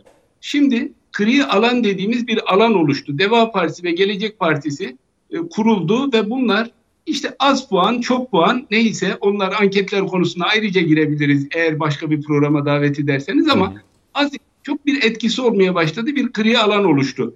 AK Partili seçmen açısından hatta kısmen Milliyetçi Hareket Partili seçmen açısından e, Deva Partisi, Gelecek Partisi ve İyi Parti bir gri alan oluşturmaya başladı. Şimdi Cumhuriyet Halk Partisi'nden kopmakta olan biraz önce sizin ifade ettiğiniz Sayın Mustafa Sarıgül'ün ve Sayın Muharrem İnce'nin kuracağı parti de Cumhuriyet Halk Partisi bloku için bir gri alan oluşturmaya başlıyor. Çünkü Cumhuriyet Halk Partili seçmen de dün itibarıyla Cumhuriyet Halk Partisi'ne ne kadar kızarsa kızsın onların gözüyle söylüyorum. Yani gidip AK Parti'ye oy vermiyordu sonuç itibarıyla. Hı hı. AK Parti'ye oy vermemek en fazla işte ya daha küçük e, radikal partilere gidiyordu ya da hiç oy kullanmıyordu. Bunun çok örnekleri var elimizde. Evet. Şimdi onlar için de bir kri alan oluşmaya başladı. Onlar da bu yeni partilere oy verecekler. Tabii Türkiye'de sistem bizi şuraya götürdü. Bugünkü Cumhurbaşkanlığı hükümet sisteminde artık yüzde on barajı kağıt evet. üzerinde olsa bile pratikte yok. Var olan 50 artı 1 artık önemli olan. Dolayısıyla sadece son bir yıl içinde Türkiye'de 21 tane yeni parti kuruldu. Evet. 21 tane. Şu anda Türkiye'de Yargıtay Başsavcılığı'nın elindeki verilerle 101 civarında parti kurulmuş durumda. Bir ikincisi de kurulmak üzereymiş. Bugün arkadaşlarım bana verdiği bilgi. Hı hı. Dolayısıyla partinin kurulma nedeni ciddi bir motivasyon oluşuyor 50 artı bir konusu gündeme gelince. Çünkü artık yüzde birin hatta binde birin bile çok kıymetli olduğu bir dönem yaşıyoruz. Evet. En son İstanbul'da tekrarlanan seçim öncesi 13 bin puan meselesini, 13 bin oy meselesini hepimiz tartıştık günlerce.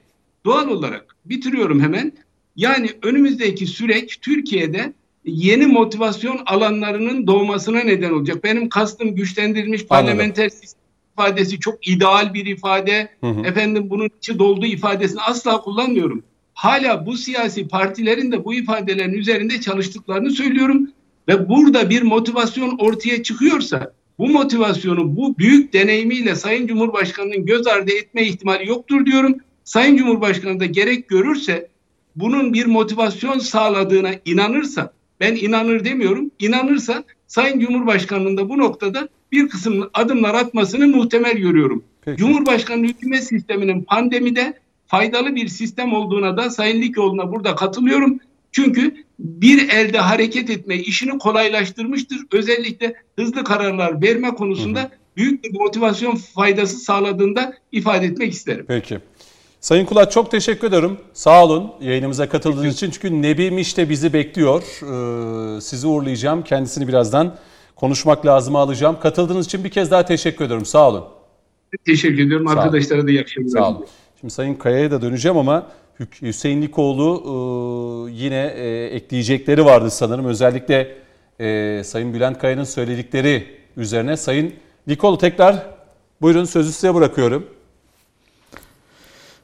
Şimdi ben HDP ile anayasa yapmak suçtur demedim. Yani o, öyle bir iddiam yok birincisi.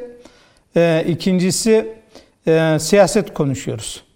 E, HDP ile tabii ki masaya oturabilirsiniz. Ama bunu e, mertçe kamuoyuna ilan edersiniz. Oturduk dersiniz. E, inkar etmezsiniz. E şimdi e, iki yıldır e, nasıl bir ilişki içerisinde olduklarını bilmediğimiz e, garip bir e, ilişki var. E, Millet İttifakı ile HDP arasında. Hı hı. Yani flört mü, nişanlılık mı e, bilmediğimiz ne konuştuklarını bir. Şimdi bir araya gelirsiniz, herkes düşüncesini söyler, katılan katılır, katılmayan katılmaz. Böyle bir şey var mı? Yok. Bir araya geldikleri halde şu an Bülent Kaya e, bu e, iyi e, İyi Parti, CHP, Saadet Partisi'nin HDP ile bir araya gelip geldi, gelmediğini biliyor mu bilmiyor mu?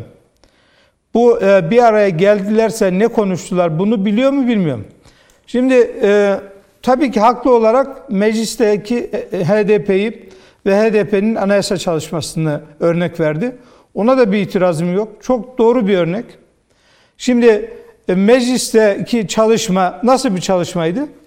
Grubu bulunan bütün partiler meclis başkanının başkanlığında kendisinin de ifade ettiği gibi iki temsilci bulunduracak. Kamuoyuna açık mı? Açık. Herkesin göz önünde mi oluyor? Herkesin göz önünde oluyor. Dışarıda bırakılan parti var mı? Yok. Grubu bulunan her, bütün partiler milletvekili sayısına bakılmaksızın iki temsilcisi olacak mı? Olacak. Partilerin o komisyona teklif ettiği düşünceler kamuoyuna açık mı? Açık. Herkes biliyor mu? Biliyor. Ee, AK Parti birinci madde ile ilgili ne söyledi? Cumhuriyet Halk Partisi birinci madde ile ilgili ne söyledi? Milliyetçi Hareket Partisi ne söyledi? HDP ne söyledi? Herkes biliyor mu? Biliyor. Şimdi yani bunu biz e, demin konuştuğumuz e, ittifakla mukayese edebilir miyiz? Hı hı. Birincisi e, kimin modere ettiği, kimin başkanlığında bir araya geldiği, kimin katıldığı neydi belirsiz bir toplantıdan bahsediyoruz. Birincisi bu. İkincisi herkesi davet etmemişsiniz. Madem bir anayasa çalışması yapıyorsunuz, herkesle oturulabilir diyorsunuz. Peki AK Parti'yi, MHP'yi, e, Büyük Birlik Partisi'ni vesaire davet ettiniz mi? Aynı mecliste verilen örnekte olduğu gibi herkes var mı bu burada? Yok. Peki ne konuştunuz belli mi? Kamuoyuna açık mı? Mesela Saadet Partisi e, anayasanın 5. maddesi konusundaki teklifi neydi?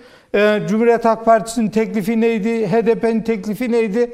HDP'nin teklifine kim evet dedi, kim hayır dedi? Böyle bir şey var mı? Yok. Bu bir dar perde arkası bir çalışma. Hı hı. Zaten hı. bunun ortaya çıkmasından sonra rahatsız olmaların sebebi bu. Dar, kimin yaptığı belli değil, başkanı belli değil, itiraz edeni belli değil, tutanağı belli değil, hiçbir şey belli değil ve ve bu anayasa çalışması toplumun tamamını kucaklamıyor. Yani e, düşünün böyle bir anayasa çalışmasından bahsediyorsunuz. E, Türkiye'de son 20 yıldır sürekli yüzde 40'ın üzerinde oy almış. MHP'yi de eklediğiniz zaman e, MHP AK Parti oyları neredeyse yüzde 55'i bulmuş. Toplumun yüzde 55'ini nezaketen bile davet etmediniz bu anayasa çalışmasına. Böyle bir anayasa çalışmasından bahsediyorsun. Ben suçtur demiyorum. Hı hı hı. Ama bu ortaya çıktıktan sonraki davranışları suçluluk psikolojisi olarak değerlendiriyorum. Peki. Aman duyulmasın. Biz 2018'de böyle bir şey yaptık, oldu bitti. Bir daha kimse kurcalamasın anlayışı var. Ee, dolayısıyla meclisteki anayasa çalışmasıyla bu anayasa çalışması ya da herkesle biz konuşuruz anlayışı hı hı. E, aynı kefeye konulamaz. Peki. Şimdi Nebi Mişti aramızda SETA Siyaset e, Araştırmaları tamam, Direktörü. Tabii vereceğim, söz vereceğim. Nebi Bey hoş geldiniz yayınımıza.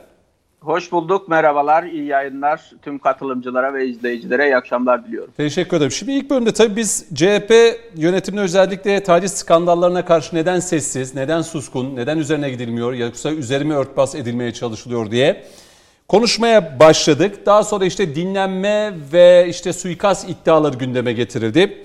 Ee, işte CHP acaba gündemi değiştirmek için e, bunlar mı ortaya atıldı diye değerlendirmeler de yapıldı. Daha sonra esas meselenin aslında e, Millet İttifakı içerisindeki paydaşların bir araya gelip oluşturdukları bir anayasa taslağı ya da bu görüşmelere dair bunun e, basına yansımasıyla birlikte hem CHP hem İyi Parti tarafına bir panik havası oluştu ve bunun e, önüne geçmek için de başka meselelerin e, ortaya atılması e, lazımdı diye e, iddia ediliyor, konuşuluyor. Bu şekilde değerlendirmeler yapılıyor. Esas konuşulması gereken anayasa deniliyor. Şimdi sizin Türkiye Gazetesi'nde de özellikle e, yazdığınız bir yazı vardı. 8-10 e, e, Ekim 2020 tarihinde. Şimdi anayasa görüşmeleri partiler arasında yapılabilir, konuşulabilir. Ama özellikle tabii HDP ve İyi Parti açısından biraz da konu özelleştirildi gibi. Yani HDP terörle arasına mesafe koyamıyor, e, teröriste terörist diyemiyor. E, hala il başkanından tutun da pek çok yöneticisinin terörle bağlantılı olduğu ve davaların da sürdüğü bir süreci de yaşıyoruz. Şu soruluyor, siz de demişsiniz. Peki tamam, e, madem HDP'liler suçlu, partiler niçin kapatılmıyor? Yani bu kadar şey, neden bu anayasa görüşmeleri yapılıyor diye. Siz bu yaşanan suni gündem ya da esas konuşulması gereken konunun bu anayasa taslağı olduğunu mu düşünürsünüz? Yoksa e, işte CHP'de taciz skandalları var, dinlenme, Ekrem İmamoğlu'na suikast. Nasıl görüyorsunuz siyaseten bu tartışmaları? Şimdi aslında bu akşamın konusu CHP'yi ve muhalefeti konuşuyoruz. Ben de e, programın birinci yarısını dinleme fırsatı buldum. Hı hı. E, hızlı hızlı e, birkaç konuya temas edip ardından bu anayasa meselesi üzerinden biraz hem muhalefet hem güçlendirilmiş parlamenter sistem e, nasıl bir şey, neyi savunuyorlar biraz e, bu konulara değinmek istiyorum. Tabii. Öncelikle şu, yani programın birinci bölümünde dendi ki ya bu meseleyi niye tartışıyoruz? Türkiye'nin önemli gündemleri var. Hı hı. İşte ekonomide, e, sağlıkta vesaire önemli gündemleri var. Niye bu taciz meseleleri konuşuluyor diye bir e, iki konuşmacı itiraz etti en azından. E, aslında e, tam da e, CHP'yi konuşuyoruz. Yani eski sistemle ana muhalefet partisini, şimdiki sistemle e, Türkiye'nin ikinci partisini konuşuyoruz ve ikinci partiler, ana muhalefet partileri iktidara en yakın olan partilerdir. Dolayısıyla bir muhalefet partisinin e, içerisindeki tartışmaları e, bir siyaset gündemi yapmak ve tartışmaktan daha doğal bir şey olamaz. Hı hı. Peki taciz meselesi nasıl tartışılıyor? E, Sayın Savcı Sayan çok güzel programın ilk bölümünde net olarak ifade etti. Dedi ki bu taciz, tecavüz meseleleri bir partiye, bir topluma, bir kimliğe, bir e, dini inanca yönelik olarak toptan bir kesimi suçlayıcı olarak kesinlikle addedilemez. Böyle görülmemesi lazım, böyle de tartışılmaması lazım. Ben de kesinlikle bunu bir partinin tümü üzerinden e, tartışılmaması gerektiğini ve hı. haksızlık edilmemesi gerektiğini söyleyenlerim. Hı hı. Söyleyenlerdenim. Peki ben neyi tartışıyorum ya da bu meseleyi nasıl tartışmak gerekir e, derseniz şuradan tartışıyoruz aslında. Yani ben de bununla ilgili bir e, yazı yazdım. E, şimdi e, Cumhuriyet Halk Partisi İstanbul'da bir e, il başkanı var ve bu il başkanının geçmişte 2015 tarihinde yanılmıyorsam 15 Şubat 2015 tarihinde e, atmış olduğu bir e, sosyal medya paylaşımı var. Paylaşımın ilk tarafını okuyamam çünkü televizyon kapanır. Ben ikinci kısmını e, aktarmaya çalışayım. Buyurun. Diyor ki muhafazakar kesimdeki taciz ve tecavüzün haddi hesabı yok. Tek, tek fark susuyor ve susturuluyor gibi bir şey söylüyor. Şimdi baktığınız zaman bir partinin İstanbul gibi bir şehrinin il başkanı muhafazakar kesimi, dindar kesimi toptan bir olay üzerinden suçlayıcı, damgalayıcı, işaretleyici bir dili kullanabiliyor hı hı. ve bunun üzerinden e, toplumsal e, toplumsal kesimlerin muhafazakar çevreler buna itiraz edince de bak siz bunu susturmak için üstünü kapatmak için e, tartıştırmıyorsunuz diye de itiraz ediliyor. Şimdi e, benim buradaki itirazım ya da bu meseleyi tartışanların bence e, bugün açısından bakıldığında birçoğu şuna itiraz ediyor. Deniyor ki bu tip e, vakalar maalesef farklı e, toplumsal kesimlerin içerisinde olabilir. Dolayısıyla burada önemli olan bir an önce bu tip vakaları açığa çıkarmak, sorumlularını yargı önüne çıkarmak, cezalandırmak ve bu tip e, hadiselerin olmaması için de önlem almak. Dolayısıyla tartıştığımız şey bu e, ve e, biraz daha gündemin ön sırasında yer alması da yakın döneme kadar Türkiye'de bazı sivil toplum kesimleri, işte muhalefetin birçok partisi, özellikle muhafazakar kesimin içerisindeki bir kurumda böyle bir adi vaka gerçekleştiğinde bunu e, topyekun olarak üzerinde tepinirlerken hı hı. bugün e, işte bir muhalefetin içerisinde böyle bir vaka olduğunda bunu e, e, bir şekilde üzerine örtmeye, kamuoyunun gündeminden kaçırmaya yönelik olarak e, ortaya koydukları davranış şekline itiraz ediyoruz. Bunu tartışıyoruz, bunu sorunsallaştırıyor, dola, sorunsallaştırıyoruz.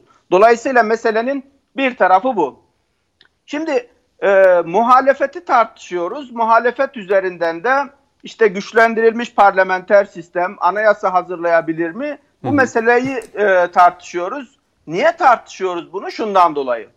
Şimdi ortada bir anayasa e, taslağı var ya da temel ilkeler metni var. İşte muhalefet bugün e, muhalefetin bazı e, genel başkanları ya da e, siyasetçileri diyorlar ki aslında bunu bir sivil toplum kuruluşu yaptı, sahiplenmiyorlar. Ama baktığınız zaman hem geçmişte ana muhalefet e, iki, e, Türkiye'nin ikinci partisinin genel başkanı Sayın Kılıçdaroğlu e, 2 Haziran 2018'de hem Cumhuriyet Gazetesi'ne hem de Sözcü Gazetesi'ne verdiği röportajlarda Milli, Millet İttifakı olarak bir çalışma yaptıklarından söz ediyor. Ve evet. Sayın İbrahim Kaboğlu'nun da özellikle Ümit Özdağ açıklamalarından ya da telefon görüşmelerinden 13 Ocak 2018'de 7 Mayıs 2018 arasında bir anayasa çalışmasının, taslağının, müzakeresinin yapıldığını ve bu müzakerelere 4 Millet İttifakı içerisindeki 4 partinin katıldığı söyleniyor. Yani burada Cumhuriyet Halk Partisi, İyi Parti, Saadet Partisi ve HDP temsilcilerinin katıldığı söyleniyor ve ben tek tek okudum. Yani o metni sonuçta e, internette de var. İsteyenler oradan oku, okuyabilir. Yani metni okuduğunuz zaman önce bir temel ilkeler, prensipler belirleniyor. İşte mahremiyet ilkesi, e, siyasi partilerle düzenli etkileşim, e, işte ortak ilkeler belirlenirken partilerin özellikle dörtte üç çoğunluk ilkesiyle e, temel hususlarda anlaşma gibi hususlar var. Şimdi buraları tartışmıyorum kesinlikle. Yani ben bu meseleyi tartışırken bu konuları tartışmıyorum. Evet bir anayasanın hazırlanmasının e, çeşitli yöntemleri vardır. İdeal yöntemler vardır, kısıtlı yöntemler vardır. En ideali toplumun bütün her kesiminin temsilcilerinin e, bir araya gelip bu meseleyi tartışıp bunun süreçleri vardır. E, idealleri bunlardır ama öbür taraftan siyasal partiler de, akademisyenler de, belirli sivil toplum kuruluşları da anayasa taslakları hazırlayabilirler. Bir anayasanın nasıl olması gerektiğine yönelik olarak evet. e, belirli ilkeler ortaya koyabilirler. Dolayısıyla ben burada ortaya konan ilkeleri tartışıyorum aslında. Şimdi stüdyoda e, e, Saadet Partisi'nin Sayın Genel Başkan Yardımcısı var. E, bilmiyorum hani Saadet Partisi en azından Sayın Kaboğlu'nun açıklamalarına göre e, bu e, çalışmaya kat, Saadet Partisi temsilcisinin katıldığı söyleniyor ama mesela Saadet Partisi e, acaba o kabul edilen ilkelerde ilkelerden birisi olan din kültürü dersinin seçmeli kültür dersine dönüştürülmesiyle ilgili bir itirazda bulundu mu? Bunu sorunsallaştırdı mı? Ya da işte iyi Partililer yani Türkiye'nin üniterliği üzerinden, anayasanın giriş maddeleri üzerinden birçok farklı ilkenin üzerinde mutabakat yapıldığına yönelik olarak o metinden anlıyoruz. Evet. Dolayısıyla aslında bu e, Cumhur İttifakı ya da güç birliği yaptığı HDP arasındaki tartışma bir anayasa e, üzerinde uzlaşma ya da bir anayasa yaptıklarında acaba bu maddeler üzerinde uzlaşıp uzlaşamayacakları meselesini tartışıyoruz. İyi Parti'nin içerisindeki milliyetçi, ülkücü kesiminde itirazı aslında ortaya çıkan e, yol haritasına, temel ilkelere en azından e, itiraz ettiklerini söylememiz lazım. Şimdi burada mesele şu, e, Millet İttifakı partileri uzun süredir güçlendirilmiş parlamenter sistem üzerinden e, işte iktidara iktidara geldikleri zaman böyle bir e, parlamenter sisteme döneceklerini söylüyorlar.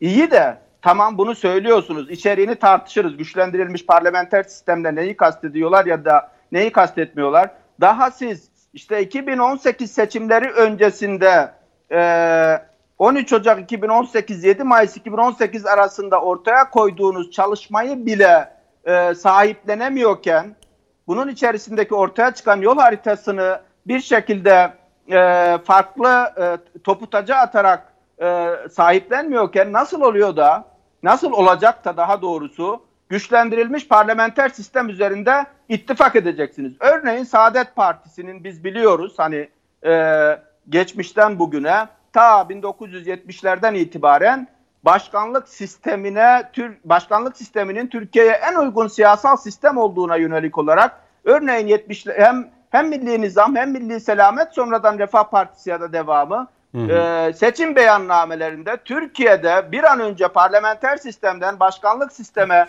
geçilmesi gerektiği söylenir ve daha çok icraya kuvvet, süre, e, sürat ve müesseriyet sağlamak için başkanlık sistemine geçilmesi gerektiğini savunur. O zaman bugün eğer Saadet Partisi güçlendirilmiş parlamenter sistemi savunuyorsa acaba milli görüş geleneğinin bütün müktesebatını bir kenara bırakarak baş, Türkiye için başkanlık sistemini savunmaktan vazgeçip güçlendirilmiş parlamenter sisteme mi döndüler? Mesela bunu kamuoyu olarak biz kamuoyunu izleyen e, işte medyada konuşan insanlar olarak hı hı. E, bilmek isteriz. Ben hani Türkiye'de hasbel kadar bu meseleleri çalışan Peki. birisi olarak hı hı. E, bunu bilmek isterim.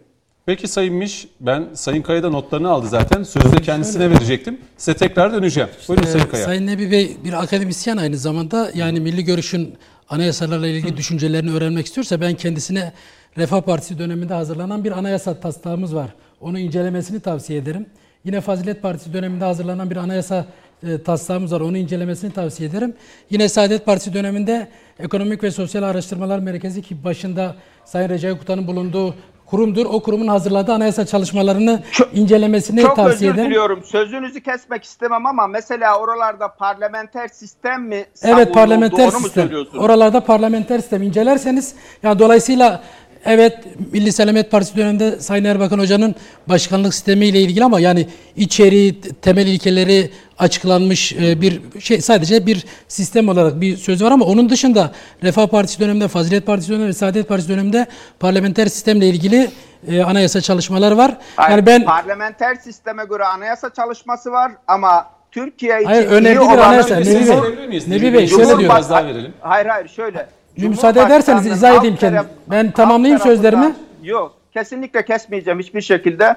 Ee, Cumhurbaşkanının halk tarafından seçilmesine yönelik olarak hani bu meselelerde ben hemen hemen o metinlerin büyük kısmını okumuşumdur. Ee, dolayısıyla e, Cumhurbaşkanının halk tarafından seçilmesini ben e, son ana kadar e, milli görüş geleneği partilerinin savunduğunu biliyorum. Tamam parlamenter sisteme göre anayasa taslakları hazırlatmış olabilir. Ona itiraz etmiyorum. Ben de biliyorum ve okudum. Halk tarafından, Cumhurbaşkanı halk tarafından seçilmesi başkanlık sisteminin zorunlu bir unsuru değil ki. Yani Cumhurbaşkanının anayasada tanımlanmış yetkileri olur.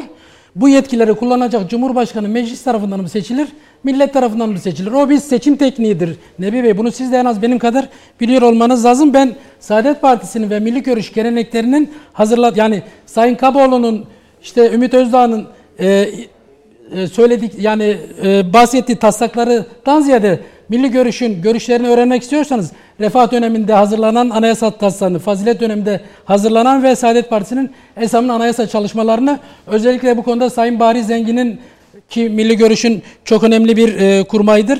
Onun hazırladığı çalışmalar zaten Saadet Partisi'nin ve Milli Görüş'ün anayasa yaklaşımını ortaya koyan temel konulardır. Dolayısıyla bizim e, görüşlerimizi başka e, sahte metinler üzerinden değil, biz kamuoyuyla paylaştığımız metinler var. Onun üzerinden e, incelemenizi tavsiye ederim. Bir diğer konu da şu. Şimdi biz taciz iddialarıyla konuşurken hı hı. bir duruşu eleştirdik haklı olarak. Hem Sayın Nebi hem de e, Sayın e, Savcı Sayan Bey bir duruşu eleştirdik. Dedik ki bu konular muhafazakar camiada ya mensup olduğu iddia edilen kişiler ya da orada görünen kişiler tarafından yapıldığı zaman CHP tarafından veya ona yakın STK'lar ve medya tarafından köpürtüldüğünü ve bir camianın bir kurumun suçlama aracı olarak kullanıldığını söyledi ki bu eleştiri doğrudur. Yani insanlar ilkeli olmak zorunda. Şimdi ben de bazen AK Partili siyasetçi arkadaşların ya da AK Parti'yi destekleyen medya mensubu ya da siyasetçi arkadaşların HDP konusunu konuşur ve tartışırken bir an kendimi şöyle düşünüyorum Cüneyt Bey. Hı hı. Sanki AK Parti 2015 yılında kurulmuş 5 yıllık bir partiymiş diye kendi kendime bir şüpheye düşmeye başlıyorum. Şimdi AK Parti'nin HDP ile ilgili yaklaşımına 2002'den bu yana bakmak lazım. Şimdi HDP'nin de PKK'ya yaklaşımı 2015'ten sonra değişmedi. HDP yani PKK e, HDP kurulduğu günden bu yana PKK ile ilgili duruşu, sözleri, eylemleri bellidir. Dolayısıyla hal bu kadar net ve ortadayken ve siz geçmişte HDP ile sadece meclis içerisinde görüşmediniz ki. Meclis dışında da görüştünüz. Siz HDP ile konuştuğunuz her konuyu kamuoyuyla paylaşmadınız ki. Çözüm sürecinde HDP ile konuştuğunuz her konuyu çıkıp kamuoyunda açıkladınız mı? Açıklamadınız. Dolmabahçe görüşmelerini, İmralı görüşmelerini, İmralı'dan sonra Kandil'e gidip gidiş dönüşteki mesajları ve bu bütün süreçleri konuşmadınız siz kamuoyuyla. Kendi kendinize konuştunuz. Ve bunu ben yadırgadığım için söylemiyorum. Ama bütün yani 2002'den 2015 yılına kadar 13 yıl HDP'ye bir yaklaşımı hem meclis içinde hem de meclis dışında olan bir AK Parti var.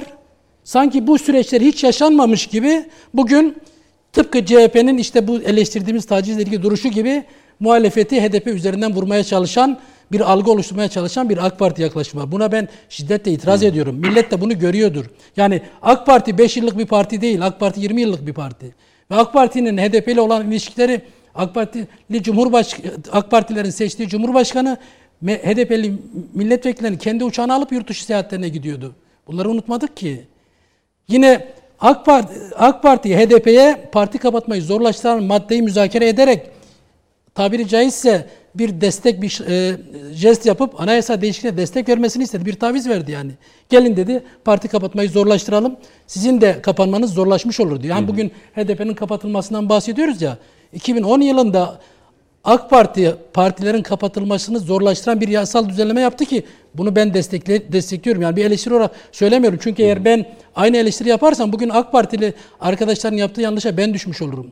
Dolayısıyla AK Parti muhalefeti HDP üzerinden eleştirirken 2002'den 2015'e kadar AK Parti'nin HDP yaklaşımlarını değerlendirmelerini gözün önünde canlandırarak lütfen değerlendirsin. Doğrudur Savcı Sayan Bey 2015'te sonra bildiğim kadarıyla AK Parti'ye geldi. Ona saygı duyuyorum. Ama o, o beş... dönem muhalefet yanlış olan şeyi söylediği için eleştiriyordu iktidarı. Hayır hayır. Hani HDP, hani şunu diyoruz ya, hı hı. terörle arasına mesafe koymamış bir HDP ile görüşme. Ya bu ben de diyorum ki sözlüğü de şöyle, çok yanlış. Ama yani. şöyle mesafe terörle şu, mesafe koyamazsınız. Şimdi ya şöyle terör 2000, ya da yoktur işte yani. Ben de diyorum ki hı hı. 2015 yılına kadar HDP terörle arasında mesafe koymuştu da mı bugün koymamazlık Fırsatlar yapıyor? Fırsatlar verildi ama. ama. Hayır fırsatları bırakın.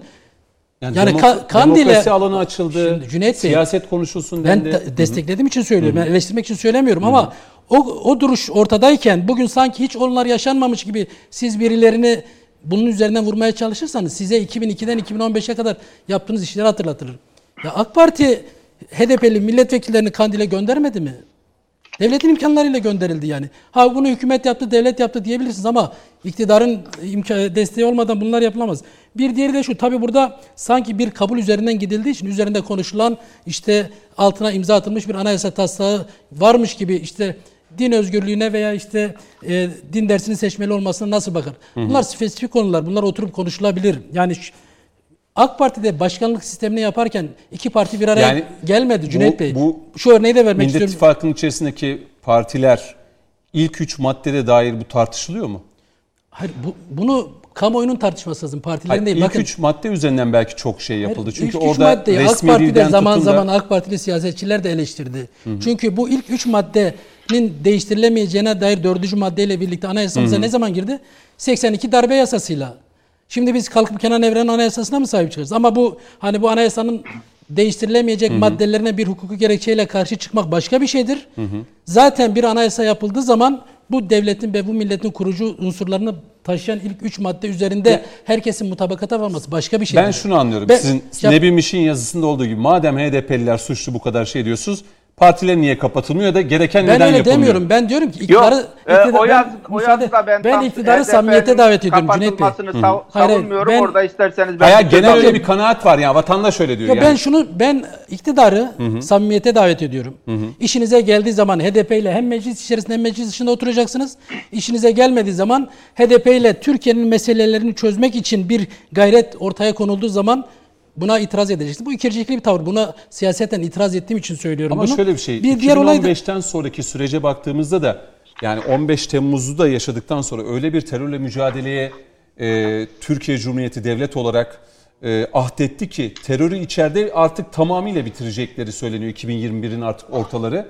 Dışarıda da zaten tehdit olanlara gereken cevap Şimdi veriliyor. Zaten Şimdi e, bu süreçte de HDP'nin bir tavrının ne olması gerektiği de ister istemez bekleniyor. 2010'lu yıllar Türkiye'de Hı-hı terör hadiselerinin zirve yaptığı yıllardı. Hı. Her gün şehit cenazeleri geliyordu. Bugün artık şehit cenazeleri de gelmiyor artık Hı. bu terörle mücadeleyle ilgili Hı. kapsamlı çalışmadan dolayı. Hı. Yani 2010'da, 11'de, 12'de yoğun şehit cenazelerinin geldiği bir süreçte bunlar yapılıyordu. Yani onun için HDP üzerinden ben iktidarın suçlanmasını da doğru bulmuyorum. Hı hı. Muhalefetin suçlanmasını da doğru bulmuyorum. Ama HDP ile Türkiye'nin aleyhine veya CHP ile ya da AK Parti ile fark etmiyor. Oturup Türkiye'nin aleyhine bir meselede mutabık kaldığınız zaman bu hangi parti olursa olsun itiraz ederim.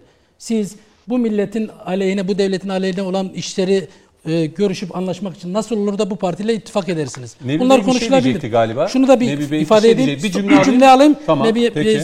Şimdi anayasaları partiler yapmaz. Hı hı. Anayasayı nitelikli çoğunluğu olan, meclis çoğunluğu olan partiler hı hı. ya da referanduma gidilse millet yapar. Onun için A partisi bu anayasanın ya kendi politikasını ortaya koyma açısından elbette önemlidir anayasa yaklaşımları partilerin ama hı hı. sonuç doğurmaz. Sonuç parlamentoda nitelikli çoğunluğa sahip olan partilerin bir araya gelerek askeri müştereklerde birleşmesiyle olabilir. Hı hı. Ya da bu nitelikli çoğunluğu sağlanmamakla birlikte sal çoğunluktan daha fazla ama referanduma gidebilecek bir oran ki Cumhurbaşkanlığı hükümet sistemi de böyle bu şekilde gitmişti hı hı. referanduma. Referandumdan yani milletin millet kararıyla ittifakı olur. diyelim Dolayısıyla, ki iktidar olsa bile yapamaz e, ki meclis çoğunluğu olmadan. Hayır, diyelim ki ya yapabilir mi yine? Yapamaz değil mi?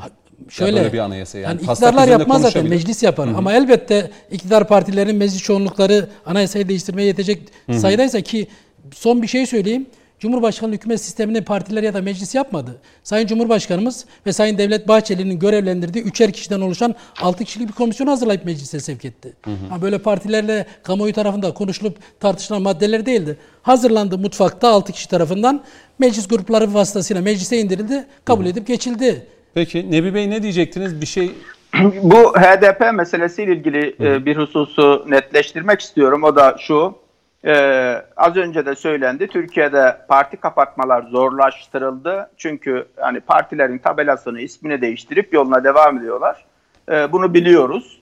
Ee, bu kap, parti kapatmalardan daha çok partinin içerisinde suç işleyen siyasetçilerin ya da parti mensuplarının cezalandırılması gibi hı hı. bir husus e, öne çıkarıldı. Dolayısıyla bizim aslında... Bizim de desteklediğimiz bir e, evet, bu bizim de yani desteklediğimiz siz, bir tavır. Siz de az önce e, vurguladınız yani e, daha çok işte parti kapatmaktan çok e, partinin içerisinde suça evet. bulaşmış, suç işlemiş insanların cezalandırılmasına yönelik olarak e, süreçlerin işletilmesi bu e, yine e, bugünkü iktidar Hı. döneminde kapatıldı.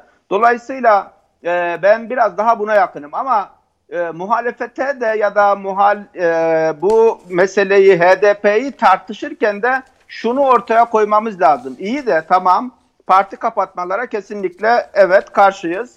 Ama öbür taraftan işte HDP'nin özellikle terörle arasına mesafe koyamamış milletvekillerinin ya da belediye başkanlarının hı hı. yargıyla e, yargı kararları üzerinden belirli yaptırımlar getirildiğinde örneğin Türkiye'de ki muhalefetin e, büyük bir kısmı madem HDP suç işledi niye kapatmıyorsunuz gibi bir itiraz evet, getiriyorlar. Evet.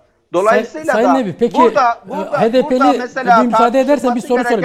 HDP'li belediyeler şey HDP'li şu, müsaade yani ederseniz bir soru sorabilir miyim? Şey şu e, e, yargı HDP bir sorusu var. Bir soru sorabilir miyim Nebi Bey size? E, e, Siz, e, tabii ki şu cümlemi bitireyim hemen yok, Yani HDP'li belediyeler bir yargı kararıyla mı yoksa idari bir kararla mı görevden alındı sizce? sadece HDP'li belediyeler olarak e, söylemedim. Az evvel ifade HDP, ettiğiniz için söylüyorum. HD, hayır, e, ne sormak istediğinizin farkındayım. Sadece HDP'li belediyeler değil, HDP'nin üyelerinin, siyasetçilerinin herhangi birisi, hadi idari kararları bir tarafa bıraktık. Eyvallah sizin itirazınızı Tabii. anladım. İdari kararları bir tarafa bıraktık.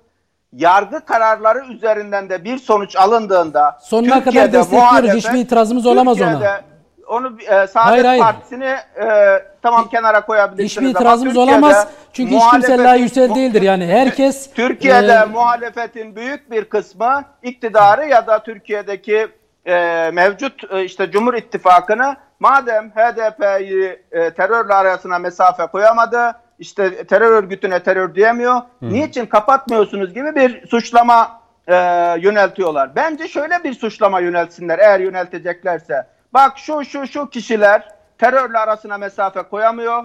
Ee, güvenlik mensuplarımızı şehit eden e, terörün cenazesine gidiyor, taziyesine gidiyor. Dolayısıyla bunu sorunsallaştırmaları gerekiyor. Bence e, eğer Türkiye'de muhalefet HDP'ye yönelik bir eleştiri getirecekse bunun üzerinden bir eleştiri getirse hem durduğu yerin sahiciliği de ortaya e, çıkmış olur. Şimdi bir cüm bir cümlede şunu sö- e, e, söylemek istiyorum. O da şu.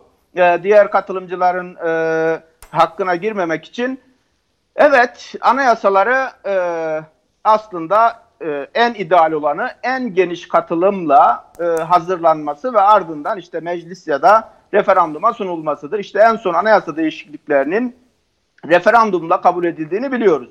Ama şu olur, siyasal partiler e, bir anayasanın temel ilkelerinin ne olması konusunda, ne olması gerektiği konusunda kendi görüşlerini ortaya koyar.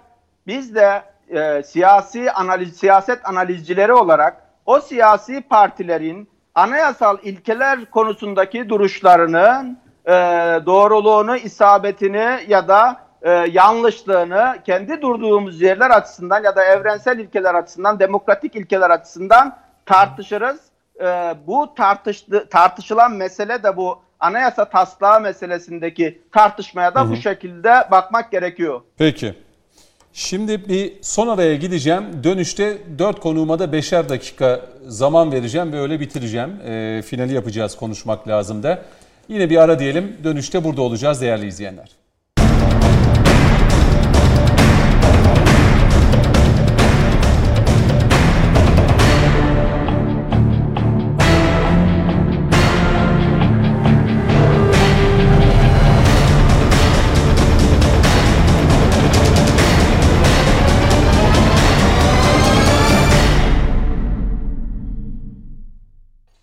Evet konuşmak lazımın son bölümündeyiz. Biraz daha hızlı gideceğiz bu bölümde. Dört konuğumuzla birlikteyiz. Hüseyin Nikoğlu, Nebi Miş, Savcı Sayan ve Sayın Bülent Kaya.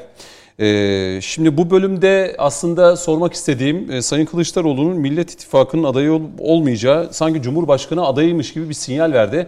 Ee, basına yapmış olduğu bir açıklamada e, size Cumhurbaşkanı adayı olamayacağımı kim söyledi diye bu soruyu e, yöneltti Sayın Kılıçdaroğlu da. Bir de tabii Türkiye birçok sorunla da mücadele ediyor hem içeride hem de dışarıda. Dolayısıyla e, muhalefetin ve Millet İttifakı'nın paydaşlarının da erken seçim ısrarının da devam ettiğini görüyoruz. Geçtiğimiz günlerde Meral Akşener de 2021'in ortalarında Haziran-Temmuz gibi e, bir erken seçim olabileceğini e, söyledi e, katıldığı bir televizyon programında. Şimdi bu son bölümde beşer dakikalık zaman vereceğim her konuğuma ve bu şekilde genel bir değerlendirme almak isteyeceğim. E, önce Savcı Sayan'a sözü vereyim. Sayın Sayan sizinle bu son dilime başlayalım. Buyurun efendim. Sayın Kılıçdaroğlu Cumhurbaşkanı adayı mı sizce? Valla onun Cumhuriyet Halk Partisi karar verir. Yani biz öyle düşünüyoruz. Gerçi son döneme baktığımızda Cumhuriyet Halk Partisi'ni yöneten bir üst akıl var. Üst akıl karar veriyor. Bu yarışmalarda biliyorsunuz zarf açılmayınca, açılmayıncaya kadar e, sunucu da bilmiyor kimin birinci, ikinci, üçüncü olduğunu. Dolayısıyla Cumhuriyet Halk Partisi'nin yetkili organları ve genel başkanı da dahil Cumhurbaşkanı adaylarını başkaları belirliyordu. En azından bugüne kadar bunu gördük. Bu saatten sonra inşallah kendi işlerinden birisini aday yaparlar. E, olabilir, şöyle olabilir. E, yani e, geçen bundan birkaç gün önce mi ya da hafta mı e, Sayın Akşener'le bir görüşme yaptılar. Dolayısıyla kamuoyuna e, sızan haberlere göre herkes kendi adayıyla yarışsın. Birinci turda, ikinci turda bir birleşme olsun mantığı hasıl olmuştu. Dolayısıyla belki de ilk turda Cumhuriyet Halk Partisi'nin adayı Kılıçdaroğlu, diğer e, bu partideki bölünmeyi de belki biliyorsunuz Muharrem İnce işte genel başkan adayı olmalı, diğer parti yetkilileri genel başkan adayı olmalı e, tezini öne sürüyorlar. Böyle bir ayrılığı da önlemek adına belki Kılıçdaroğlu kendisi de aday olabilir. E, ona Cumhuriyet Halk Partisi inşallah Cumhuriyet Halk Partisi karar verir. Cumhuriyet Halk Partisi'ni kuşatan e, güçler karar vermez. Ben bunu canı gönülden e, Türkiye'deki demokratik yapının oluşması için muhalefetin ne kadar önemli olduğuna inanan bir siyasetçi olarak canı gönülden istiyorum ki Cumhuriyet Halk Partisi'nin kendi organları karar versinler ve işlerinden bir aday çıkarsınlar. Takdir halkındır. Halk kime oy verirse o Cumhurbaşkanı olacak. Dolayısıyla bugüne kadar da buna inandık. Sandıktan çıkan her sonuca da biz eyvallah dedik. Buna da kimse itiraz etmemelidir. Her ne kadar birileri Amerika'dan medet umuyorsa Almanya'dan, Avrupa Birliği'nden ama biz e, ben e, hem kendi kişisel görüşüm hem de bugün içinde bulunduğum AK Parti'nin kişisel görüşü ve şey kurumsal görüşü böyle bir şeydir.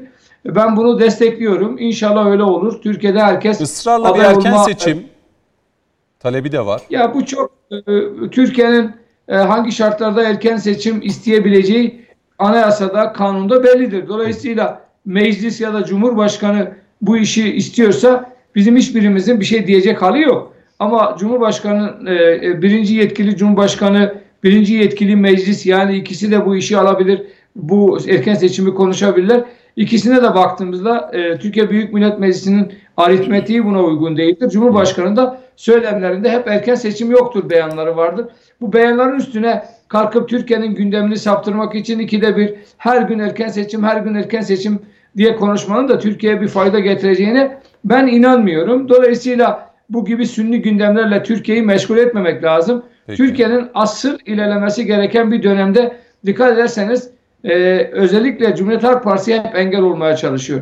Türkiye ne zaman bir atak yapmaya kalkışırsa hemen Türkiye'nin ayağına bağ olmaya bir taş gibi bağlanıp e, dibe getirmeye çalışıyorlar. Son günlerde tartışılan konulara da baktığımızda Türkiye ne zaman kabuğunu yırtmaya çalışıyorsa, ne zaman yeni bir hamle yapmaya kalkışıyorsa mutlaka Cumhuriyet Halk Partisi'nin bugünkü yapısı buna karşı çıkıyor. Hı. Hele hele söz konusu bir Müslüman devletse, söz konusu Avrupa'nın dışında bir Afrika, bir Asya ülkesi ise Cumhuriyet Halk Partisi canhıraş bir şekilde üstüne yürüyor ve engellemeye çalışıyorlar. Yani son dönemlerdeki bu palet tank olayına da baktığımızda Hı. asıl amaç ne tanktır ne palettir. Bunlarla hiç ilgilenmeleri de yok. Zaten ilgilenmiş olsalardı bugün konuşmazlardı. Dün atı durumda iken konuşurlardı. Eğer bir Avrupa ülkesi almış olsaydı inanın hiçbir ses e, seda çıkmayacaktı. Ki Borsa İstanbul'a baktığımızda daha önce Avrupa İmar Bankası, Kalkınma Bankası'nın elindeyken bunlardan hiç ses falan çıkmıyor. Ama söz konusu bir Müslüman devlet e, ise, e, Müslümanların birleşmesi ise, yani rahmetli Erbakan'ın deyimiyle, deyimiyle D8'ler, Müslümanlar, Müslüman Ülkeler Birliği söz konusu olursa hemen karşı çıkıyorlar. Yani bizi üzen e, budur. E, bizim gençler de yıllardır bu anlamda batıya doğru yönlendirildi. Ben buna da karşıyım. Yani mesela örneğin şimdi bir Avrupa takımının e, da oynayan bir oyuncunun ayakkabı numarasını bile bilen Anadolu çocukları Asya'da, Afrika'da Müslüman ülkelerin en başarılı takımlarının belki oyuncularını da bilmiyorlar, teknik direktörlerini de bilmiyorlar. Belki nerede olduklarını da bilmiyor. Yani bizi sürekli birileri kendi özümüzden kopartarak, gelenek ve göreneklerimizden uzaklaştırarak yapımızı yok etmeye çalışıyorlar. AK Peki. Parti bunu engellemeye çalışıyor. Sayın Savcı Sayan çok teşekkür ederim. Konuşmak lazıma Bazen, katıldınız. E, e, hemen bir cümleyle, Tabii. bir cümleyle bitireyim. Tabii. E, bu ülke hepimizindir. Bu ülke, bu ülke hepimizindir. Düşüncelerimiz farklı da olsa, partilerimiz farklı da olsa, isimlerimiz farklı da olsa soyadımız Türkiye'dir. Peki efendim. Çok teşekkür ederim. Ee, Ağrı'da yapacağınız e, hizmetler için de şimdiden başarılar diliyorum. Çok sağ olun yayınımıza katıldığınız için. Çok teşekkür ederim. Çok sağ olun. Evet, e, Savcı Sayan'ı uğurluyoruz. Şimdi Hüseyin Likoğlu'na dönmek istiyorum. E, Hüseyin Likoğlu'nun da e, bu son bölümde bir 5 dakikalık bir zamanda kendisine vereceğim. Notlarınızı da mutlaka aldınız. Hüseyin Bey buyurun. Şimdi e, geçtiğimiz süreç itibariyle yani kimseyi korkutmak istemiyorum ama Türkiye'de e, anormal şeylerin olması gerekir. Birilerinin arzusu açısından söylüyorum.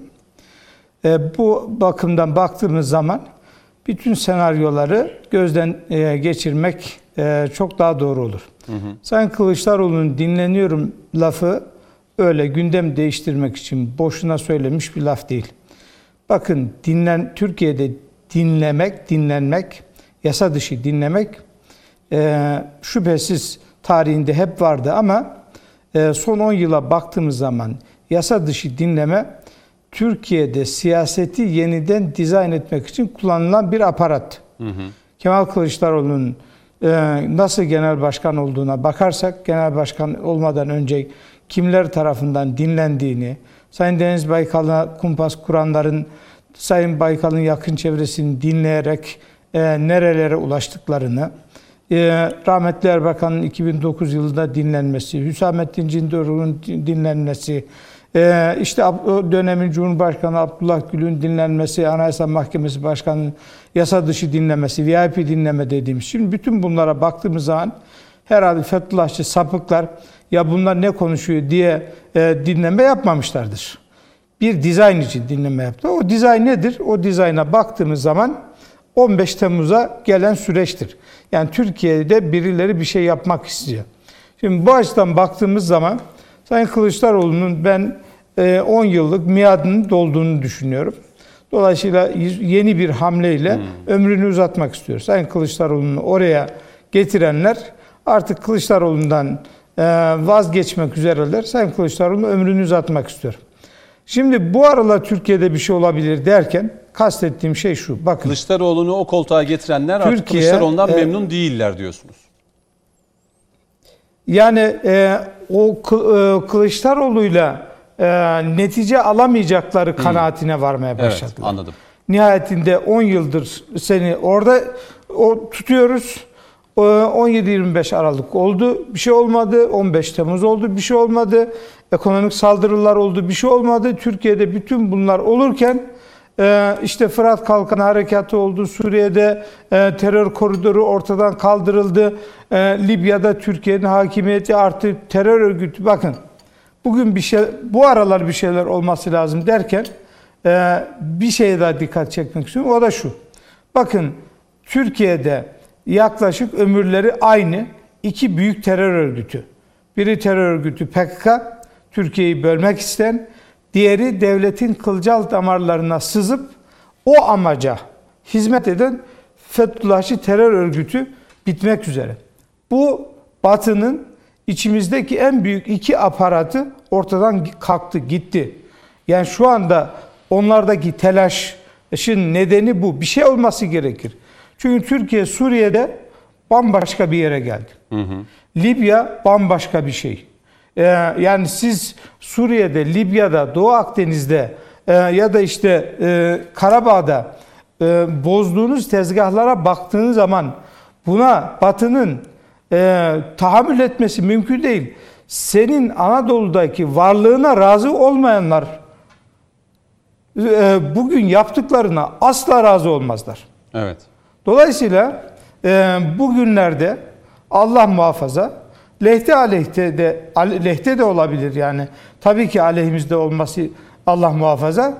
Dolayısıyla e, Türkiye'de siyaset dizaynı için yepyeni bir senaryoyla karşılaşabiliriz. Hı hı. E, bu e, önemli. E, Allah muhafaza iş güvenlikte bir takım problemlerle karşılaşabiliriz. Bakın Almanya Başbakanı ne diyor Biden iktidara geldikten sonra? Artık diyor boşluk bırakmayacağız. Türkiye ile Rusya'ya boşluk bırakmayacağız diyor. Libya, nerede boşluk bırakmayacaklar? Libya'da boşluk bırakmayacaklar. Suriye'de boşluk bırakmayacaklar. Bak 28 yıldır oyaladıkları Karabağ meselesi evet. çözüldü. Nasıl çözüldü? İşte bu kararlı. Dolayısıyla bütün bu olanlara baktığımız zaman, bu bütün bu yaşadıklarımıza baktığımız zaman e, karşı karşıya bulunduğumuz tehditler, karşı karşıya bulunduğumuz riskler o kadar çok ki. E, evet. Dolayısıyla ben bugünlerde e, bu süreçte Türkiye'nin 2023'ü görmemesi için, e, Türkiye'nin bu süreçte daha fazla direnmemesi için birilerinin bir hesap içerisinde olduğunu düşünüyorum. Bu hesap içeride siyaseti yerinden dizayn hesabı olabilir.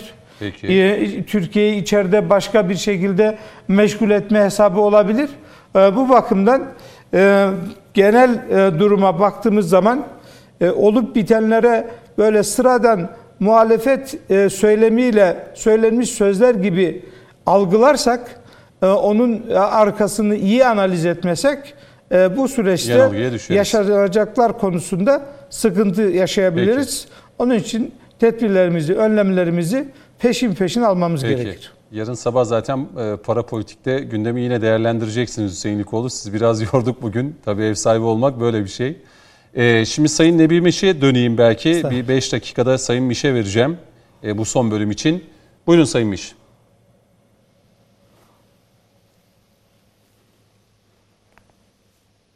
Sayın Miş beni duyabiliyor musunuz? Ya şimdi e, sesiniz geldi evet. Ha, buyurun efendim buyurun. Son bölümdeyiz size de bir 4-5 e, dakika veriyorum buyurun. E, e, sorunuzu anlayamadım çünkü bir 4-5 dakika yani, ses gitti. Israrla mı ısrarla bir erken seçim isteği var. Ee, yani Türkiye hem içeride ve hem dışarıda çok ciddi meselelerle uğraşırken e, sürekli de muhalefetten bir erken seçim ısrarını da görüyoruz. E, bu bölüme böyle başlamıştık son bölüme. Buyurun. Yani e, erken seçimle ilgili meseleye tartışmaya şöyle bakmak gerekiyor. Bir defa işte az önce e, güçlendirilmiş parlamenter sistemi, başkanlık sistemini e, tartışıyorduk. Cumhurbaşkanlığı hükümet sistemi bir başkanlık sistemi olduğuna göre bu sisteme geçilmesinin en önemli nedenlerinden ve gerekçelerinden birisinin e, özellikle parlamenter sistemdeki sık sık erken seçim istemek hı hı. ve erken seçim isteyerek ülke gündemini aslında esas e, odağının ötesine kaydırmaya yönelik siyaset mühendisliklerinden uzak tutmak için de e, Cumhurbaşkanlığı hükümet sistemine geçildiğini biliyoruz. Yani biz parlamenter sistemi son 40 yıldır tartışırken e, belki de en çok tekrar edilen cümlelerden birisi koalisyon dönemlerindeki sürekli seçimlerin zamanından önce yapılmasıydı. Hı hı. Ve Cumhurbaşkanlığı hükümet sistemi de dizayn edilirken aslında seçimlerin e, bir şekilde e, zamanından önce yapılması ya da erken seçim istemeyi zorlaştıran bir anayasal çerçeve de oluşturulduğunu biliyoruz. O da şudur. E, cum ya e, Cumhurbaşkanı e, erken seçim kararını alır. Hı hı. E, böyle olduğunda hem kendi görev süresi sona erer hem meclisin görev süresi sona erer. Ya da meclis 360 oy e, evet oyunu çıkararak yani erken seçime gidilmesi için mecliste 360 sayısını bulduğunuz zaman hı hı. erken seçime gidilir ve Cumhurbaşkanının da e, doğal olarak görev süresi sona erer ve erken seçime gidilir. Dolayısıyla bu açıdan bakıldığında zaten teknik olarak Türkiye'de erken seçime gitmenin zor olduğunu Sayın Cumhurbaşkanı istemediği müddetçe zor olduğunu biliyoruz. Evet. Diğer taraftan da şu an için Türkiye'de bir erken seçime gide e, erken seçimi e, gerektirecek bir hususun olmadığını, bir e, siyasal atmosferin, toplumsal atmosferin olmadığını söylememiz lazım. Yani muhalefet evet bunu tartışıyor ama Mesela ben emin değilim kamuoyu araştırmalarını da işte hepimiz burada siyaseti takip eden insanlar olarak e, gözlemliyoruz. Dolayısıyla burada işte muhalefetle mevcut iktidar arasında özellikle işte oy farkı açısından e, işte muhalefetin lehine büyük bir değişiklik olduğunu falan da emin değilim. Yani en azından açıklanan kamuoyu araştırmalarda bunu görmüyoruz. Evet. Peki bu tartışmalar, erken seçim tartışmaları niçin gündeme e, getiriliyor derseniz bence tam da Millet İttifakı içerisinde zaman zaman senkronizasyon kayması oluyor tırnak içerisinde e, ve e, bu ittifakı bir arada tutmak, ittifak içerisindeki farklı tartışmaları bir şekilde bastırmak için sürekli seçimi gündemde tutarak aslında o ittifakın e, bir arada tutulmasına yönelik olarak da bir siyaset tarzı e, işletilmeye çalışılıyor. Peki. Dolayısıyla ben e, bu açıdan baktığımda yakın bir dönemde bir e, erken seçimin olacağını e, düşünmüyorum. Peki. E, şimdi Sayın Kaya size döneyim. Saadet Partisi erken yine erken seçim istiyor mu? Ee, yani şimdi erken seçim e, milletin talebiyle olur. Şu anda Hı. da e, yani e, ekonomik meselelerle ilgili, hukuktaki e, adalet reform, sistemiyle ilgili yani reform iddiaları bu işin yürümediğini gösteriyor. Yani Hı. siyasi iktidar ya halktan gelen bu talebe bir reformla cevap verip ömrünü 2023'e kadar uzatacak hı hı. ya da cevap veremeyip erken seçime gitmek zorunda kalacak. Yani e, reform yapmak da kötü bir şey değil. Çünkü hı hı. halkın taleplerine e, kulak vermiş olursunuz. En azından halkın e, e, şikayetlerini kısmen en azından 2023'e kadar hı hı. ertelemiş olup ikinci bir şans almış olursunuz. Alamazsanız erken seçime gitmek mecburiyetinde kalırsınız. Hı hı. Bir diğer konu da şu. Şimdi yani bu Cumhurbaşkanlığı hükümet sisteminde güçlü cumhurbaşkanlarından ve güçlü hükümetlerden bahsediyoruz ama hı hı. aslında bugün itibariyle güçlü bir hükümetten bahsetmek mümkün değil. Yani Milliyetçi Hareket Partisi'nin iki dudağı arasından çıkacak bir söze ömrü ve kaderi bağlı bir siyasi iktidardan bahsediyoruz. Yani MHP bugün ben yokum derse hı hı. Türkiye'de iktidar ortadan kalkar. Yani dolayısıyla güçlü ve tek başına bir cumhurbaşkanından ve AK Parti'den bahsetmemiz mümkün değil. Bu e, anlamıyla da AK Parti'nin hani tek başına iktidar olmaması hı hı. E, açısından bazı konularda da kendilerine e, hak vermiyor değilim. Şimdi gel, e, bu adaylık meselesine gelecek olursak şimdi bu yeni ittif- seçim sistemini bizde AK Parti ve MHP hediye etti. Bu seçim sisteminde de partiler kendi adaylarını gösterebilecekleri gibi hı hı. ittifak halinde de aday gösterebilirler. Mutlaka. Şayet herhangi bir parti, bu ister AK Parti olsun, ister Saadet Partisi, ister MHP ya da CHP kendi adayını gösterecek zaten kimseyle oturup konuşmasına gerek yok. Yani Ama ilk burada sanki Saadet Partisi de Sayın Karamollaoğlu aday... ilkeden bahsediyorum. Hı-hı. Yani siz bir ittifak olarak adayı çıkaracaksanız Hı-hı. ki MHP mesela kendi adayını çıkarmıyor. Biz ittifak olarak Sayın Erdoğan'ı Dolayısıyla iki partinin yani MHP ve AK Parti'nin bir araya gelip bir Cumhurbaşkanı adayı belirlemesi gerekiyor. Yani AK Parti'de Şimdiden belli. dayatamaz. AK Parti ile MHP'nin Bugün, şimdiden belli. bugün öyle olduğu konuşuluyor. Yani seçim ola gün ola harman ola demişler eskiler. Dolayısıyla onu bilemiyoruz. Bir de 2018 seçimlerine işte bir Millet İttifakı oluştu. Çünkü 45 günde bir baskın seçimdi. Erken seçim değildi.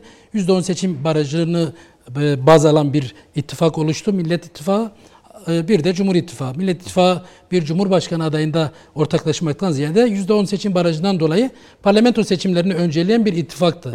Bugün için bir seçim olduğu zaman bu iki ittifakla mı olur ya da bu iki ittifak arasında farklı geçişler mi olur ya da yeni ittifaklar mı kurulur? O o zamanki konjektürde bakılır. Yani Siz milletin her partinin ilk tur seçimi itibariyle kendi adaylarını göstereceğini mi düşünüyorsunuz? Yani öyle bir değerlendirme geldiği için şöyle söyledim. yani ben seçim sattım 50 artı 1 önemli ya artık 50 artı seçim 1. sattım haline girildiği zaman her parti kazanmak için bir adayı gösterecektir. Kazanmak için. O ad- kazanmak için göstereceği aday kendi partisi ise seve seve kendi partisinden adayı gösterir. Bu seçim sisteminin dayattığı 50 artı 1'den dolayı ortak bir hassasiyetleri barındıran bir adaysa tıpkı Cumhur İttifakı'nın yaptığı gibi diğer ittifaklar da ben onun için iki ittifak, üç olabilir, Saadet dört Partisi'nin olabilir. önereceği ya da düşündüğü, Elbette. konuştuğu bir isim var mı? Yani mutlaka Yani vardır. Mutlaka genel içerisinde. başkan üzerinden Her siyasi ama. parti bir iddia sahibi ise kendi bal- ba- e, genel başkanı potansiyel cumhurbaşkanı adayıdır. Yani bir siyasi parti eğer benim genel başkanım cumhurbaşkanlığı yapamaz diyorsa zaten dükkanı kapatıp gitmesi lazım yani. Şimdi bu güçlendirilmiş parlamenter sistemle ilgili de birkaç Tabii. söz söylemek istiyorum. e, Bir buçuk dakikam var. Evet. Şimdi bu Bitireceğim çünkü. e, niçin güçlendirilmiş parlamenter sistem telaffuz ediliyor? Çünkü Türkiye'de bizim çoğumuzun yani yaş itibariyle çoğumuzun ve Türkiye'deki seçmenlerin çoğunun bildiği parlamenter sistem 82 anayasasıyla evrenin getirdiği ve yetkililer Cumhurbaşkanı yetkilerini son derece genişletip kendine göre bir e, ceket diktiği bir sistemdi. Bunun adına parlamenter sistem demek mümkün değildi ki. Nitekim AK Parti'de 2002'den bu yana değişik dönemlerde parlamenter sisteme uygun olmayan Cumhurbaşkanı'nın yetkilerini kısıtlamayla ilgili çalışmalar yaptı. Hatta Sayın Abdullah Gül Cumhurbaşkanı iken benim yetkilerimi kısıtlayın diye kendi partisine hitap etti. AK Parti'de Sayın Ergun Özbudun ki bugün Gelecek Partisi'nin genel başkan yardımcısı Sayın Ergun Özbudun anayasa profesörünün başkanlığında bir anayasa çalışması yaptı. Orada da aslında bugün adına güçlendirilmiş parlamenter sistem denilir ama asıl parlamenter sisteme dair birçok düzenlemeyi o anayasada bulabiliriz. Yani güçlendirilmiş parlamenter sistemi aslında AK Parti savunuyordu. Ve bunu da Ergun Özbudun'un anayasasıyla ortaya koymuş oldu. Aynı Ergun Özbudun bugün 2000'li e, yıllarda AK Parti için hazırladığı metnin bir benzerini Gelecek Partisi için hazırladı ve adına güçlendirilmiş parlamenter sistemi. Niye? Çünkü bizim bildiğimiz yani bizim bildiğimiz derken literatür açısından söylemiyorum. Halkın yaşa- yaşayarak öğrendiği ve adına parlamenter sistem sistemin Cumhurbaşkanına tanınan geniş yetkiler itibariyle parlamenter sistem olmadığı ortada. Onun için güçlendirilmiş parlamenter sistem Yani önümüzdeki ediliyor. günlerde de e, Millet İttifakı'nda yer alan partiler bu güçlendirilmiş parlamenter sistem Yani parlamenter sistem kavramını- ama parlamenter sistemle ilgili işte bunu Sayın Davutoğlu ilk önce gündeme getirdi. Meram yani Kenan Evren'in dayattığı parlamenter sistemle aynı parlamenter sistem olmadığını belki ifade etmek için güçlendirilmiş parlamenter sistem diyor ama parlamenter sistemlerde cumhurbaşkanları sembolik yetkileri olur. burada. Devletin başını temsil eder ve hükümet politikalarına aşırı müdahaleleri olmayan bir sistemdir. Bunun Peki. detayları oturup. Bitireceğim. AK Parti'nin kendisi de bunu zaten Bir, tabii. bir bir cümleyle cümle, bir bir katkı cümle tabii bir cümle. Ya bu e, kurucu e, e, pardon güçlendirilmiş parlamenter sistem denen şey aslında hani literatürde rasyonelleştirilmiş parlamenter sistem gibi bir şeydir. Yani iki özelliği vardır. Birincisi hükümeti e, parlamento hani zaten bütün klasik parlamenter sistemlerde budur ama bugünkü muhalefet partileri güçlendirilmiş şey söylerken özellikle hükümetin parlamento tarafından e, parlamentonun içinden çıkması meselesini önemsiyorlar. E, Ama esas önemli olan burası değil. Bu güçlendirilmiş ya da rasyonelleştirilmiş parlamenter sistemde bu Almanya'da var. Başka birkaç ülkede daha var.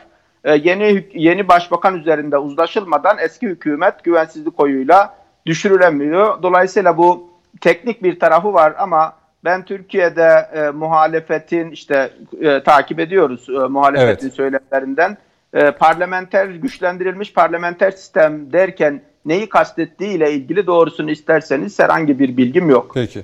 Bir başka program, programda bunu konuşmak lazım. Ee, Yani programın isminde olduğu gibi konuşmak lazım. Bülent Kaya çok teşekkür ederim. Ben çok teşekkür sağ ederim. olun, Konuştuk gerçekten. Fırsat verdiğiniz için de Çok teşekkür sağ ederim. olun. Mehmet Ali Kulat yine bizimle birlikteydi. Ağrı Belediye Başkanı Savcı Sayan bizimle birlikteydi. Ankara Stüdyosu'nda Hüseyin Likoğlu. Teşekkür ederim Hüseyin Likoğlu yayınımıza katıldığınız için. Ve SETA Siyaset Araştırmaları Direktörü Nebi Miş de bizimle birlikteydi. Size de çok teşekkür ederim. Sağ olun yayınımıza katıldığınız için. Teşekkürler, iyi akşamlar. Sağ olun efendim. Ee, bugünü bitiriyoruz değerli izleyenler. Önümüzdeki hafta pazartesi akşamı yine konuşmak lazım da konuşacağız. Ee, sizler de ekran başında bizlere eşlik ederseniz ne mutlu bize. Güzel bir gece diliyoruz efendim. Ee, az sonra Gökhan Pakkanlar günün ardından da gelişmeleri aktarmak üzere karşınızda olacak. Hoşçakalın.